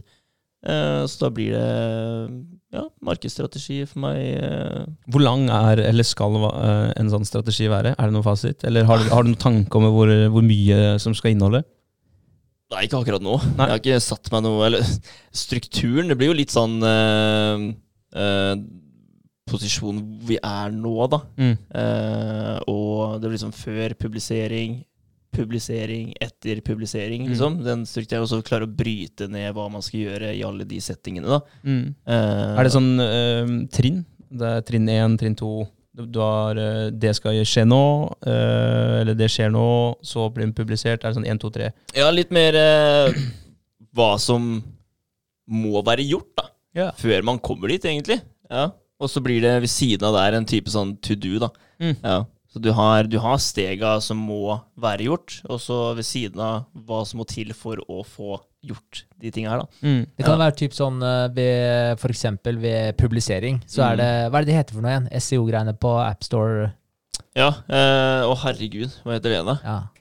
Ja. Ja, Det står helt stille for meg, men det er i hvert fall en egen type SEO da, for, for AppStore og Google Play da, Ja. for å få uh, appen høyst mulig på døms lister òg. Mm. Det er ikke bare SEO på hjemmesiden, f.eks., men uh, det er en egen måte å gjøre det der òg, da. Mm. Er det ASEO, bare? Det er det. Ja. AOS. AOS. AOS? Nei, ASO. ASO. ASO? ASO. Ja, ASO. Ja. Ja. Apple Search ASO. Det er jeg ganske sikker på. Jeg husker ikke, men jeg tror det. Når du sier det, så Ja, bare et eller annet. kom Men, det. Ja. men, eh, men det er jo eksempel et sånt type punkt. da Så Med publisering Mm. under der, så kommer det punktet der. For det er sånn, det må være klart til publisering. Ja. Så Da går det an å se på det at okay, når vi kommer til eh, publisering, så er det de tinga her som må være på plass. Og da Ja. må man bare begynne å jobbe mot de tinga. Det er sånne helt essensielle ting egentlig som kommer Ja. på plass der. Er det, sånn, er det eh, bare sånn rent praktisk, er det inne på Apple Developer-siden, der man eh, håndterer SEO-en til Apple? Sånn for Eh, appen, at du, du er inne på developer-siden og kan legge inn tags for hva- som skal trigge at din app kommer øverst, da. Det blir, eh, det blir samme struktur med keywords og description og Ja. hele pakka, egentlig. Og hvilke type bilder du vil ha, da. Mm. Eh, Så det er liksom de tinga som er viktig å få inn da, på en best mulig måte. Men akkurat hvor jeg har sett en hel video der, altså, det står Mm. bare stille. Mm. Ja, Ja. men er, tipper det er det samme. Ja. Ja. Mm, eh, ja, så jeg må bare få finpussa. Det er noen sånne smågreier som jeg egentlig skulle ha gjort i helga. Uh, så det var litt uh, dårlig prioritering, for jeg prioriterte å holde på i Figma med designgreiene. Og så måtte jeg på jobb, så da mista jeg egentlig den tida som jeg hadde planlagt å holde på med den finpussinga på pitchdekken. Ja. For det er noen tall som må rettes opp i og sånn. Det er bare småpirk. Ja. Og så er det egentlig bare å gønne på, altså ta Ja, kontakt med, med Peeps. Så det er spennende, da. Jeg snakka med han Robert eh, Ekrem Ja. eh, i stad. Tok en telefon til han og hørte litt om erfaringene hans i forhold til det med å hente inn penger, og, for de har vært igjennom et par runder Mm. med velur. Mm. Velur, velur. Velur. Ja, velur. Ja. Eh, så Nei, altså, han hadde jo noen gode tips å komme med, han. Så da er det egentlig bare å peise på. Ja. Ja, Var det litt sånn nå, eller? Bare peis på, liksom? Ja da, det var det. Og så hadde han et par ting som bare sånn Det her bør dere ha svar på. I forhold til, ok, Vi har ikke noe CTO. De kommer garantert til å påpeke det. Mm. Ha et svar klart til det. Ja. Eh, ingen av oss er 100% ansatt i firmaet. Det kommer de til å kikke på. Ha et svar klart til det. Altså Ja. bare sånn Det er viktige ting å, å ta med seg. Mm. Så, så det var definitivt eh, nyttig. Så han er veldig hjelpsom. Ålreit fyr. Så det setter jeg pris på. Man kan eh, prate litt med dem. Eh, ja, og så blir det jo egentlig å fortsette. Da blir det mest sannsynlig et møte med ei uh, hestejente som, er, uh, som driver med ernæring. Mm. Veldig interessert i det. Så hun hadde lyst til å ta en gjennomgang med fòrkalkulatoren og sånn. Så få litt input. Ja, det er veldig bra. Kjempebra. Ja. Så da blir det en gjennomgang der på torsdag, tenker jeg. Og så Ja, det er egentlig det det går i nå. Så blir det fortsette med designgreia. Mm. Så ja, styre med. Så bra. Men eh, kan man ansette Kan dere ansette dere sjøl 100% i NutriHorse eller uh, i Ja, i uh, Nei, jeg kan kanskje ikke si det. Å ja, nye navnet. Ja, ja. Ja. Dere har ikke snakka om Ja, nei, vi har jo egentlig domene og alt det samme, men ja, samme det. Vi bytter navn, da, men uh, vi kan ta det senere. Ja, ta det senere? Okay, okay, okay. Det, blir en Men- release. Det, Ja, ja, Ja, det, ja, fett. ja, men da, da fikk vi en liten sånn tease der, da. fikk en teaser, ja. Eh, Men eh, går det an å ha, være 100 ansatt med fiselønn, liksom? Eller Men det, det er vel Ja. mer det at eh, de skal si at vi faktisk er 100 ansatt, og bruker Yes. all tiden Ja, vår ja. på det. da Det handler om tid og, og hva dere får til, liksom. Definitivt. Ja. Så ikke jeg og Vegard bruker 80 timer av uka vår på Nexans. Ja. Og så vil jo dømme at vi da bruker, hvis de skal gi oss penger, så vil jo dømme at vi bruker 80%, nei, 80 timer av uka pluss på Nutriors. Ja. Mm. Ikke på Nexans. Og det skjønner jeg jo. Mm. Men vi er jo ikke der ennå, så det, det må man jo ta når man uh, kommer dit. Så først må vi få på plass en som uh, en teknisk person. Ja. Så, så det blir jo en liten stund til jeg og Vegard er der. Ja. Men uh, det må de bare deale med. Ja, ja. For, jeg. eh, bare si at med deres penger, så kan vi slutte på Nexans. Det er det mulighet til. Nei, det ja, det. da må vi hente enda mer. ja, så Det er noe med å vise hva man faktisk har fått til fram til nå, da, ved Ja. å ikke være 100% ansatt i firmaet òg. Ja. Altså, det her har vi faktisk klart med den tiden vi har hatt til råde. da Ja, ja. Og det er ganske imponerende. Veldig bra. Ja. helt enig. Og det skal sies òg, uten Nexans Mm. så hadde ikke det vært mulig heller. Nei. Så vi er jo helt avhengig av å ha den inntekten for å kunne drive med de tinga her. Så Takknemlighet ovenfor Nexans. Yes. evig takknemlig for det. Ja. Helt riktig, André. Rått. Rått.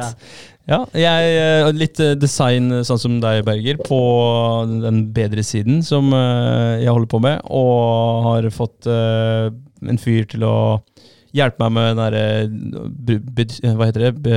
Omregistrering av domene. Det er en sånn hassle-prosess, for i og med at jeg har en nettbutikk nå som det er ganske mye greier rundt. Da. Jeg har et webhotell og, og sånt nå, som skal Du har hele tiden backuper, og du har eh, alle produktene ligger inne der. og ja, så det er mye som skal flyttes over, så da må jeg betale noen tusenlapper for å få hjelp med det. Mm. Uh, ellers er det å fortsette med, med design. Så har jeg begynt å, å se litt opp til en som driver en kanal som heter Maks Prestasjon.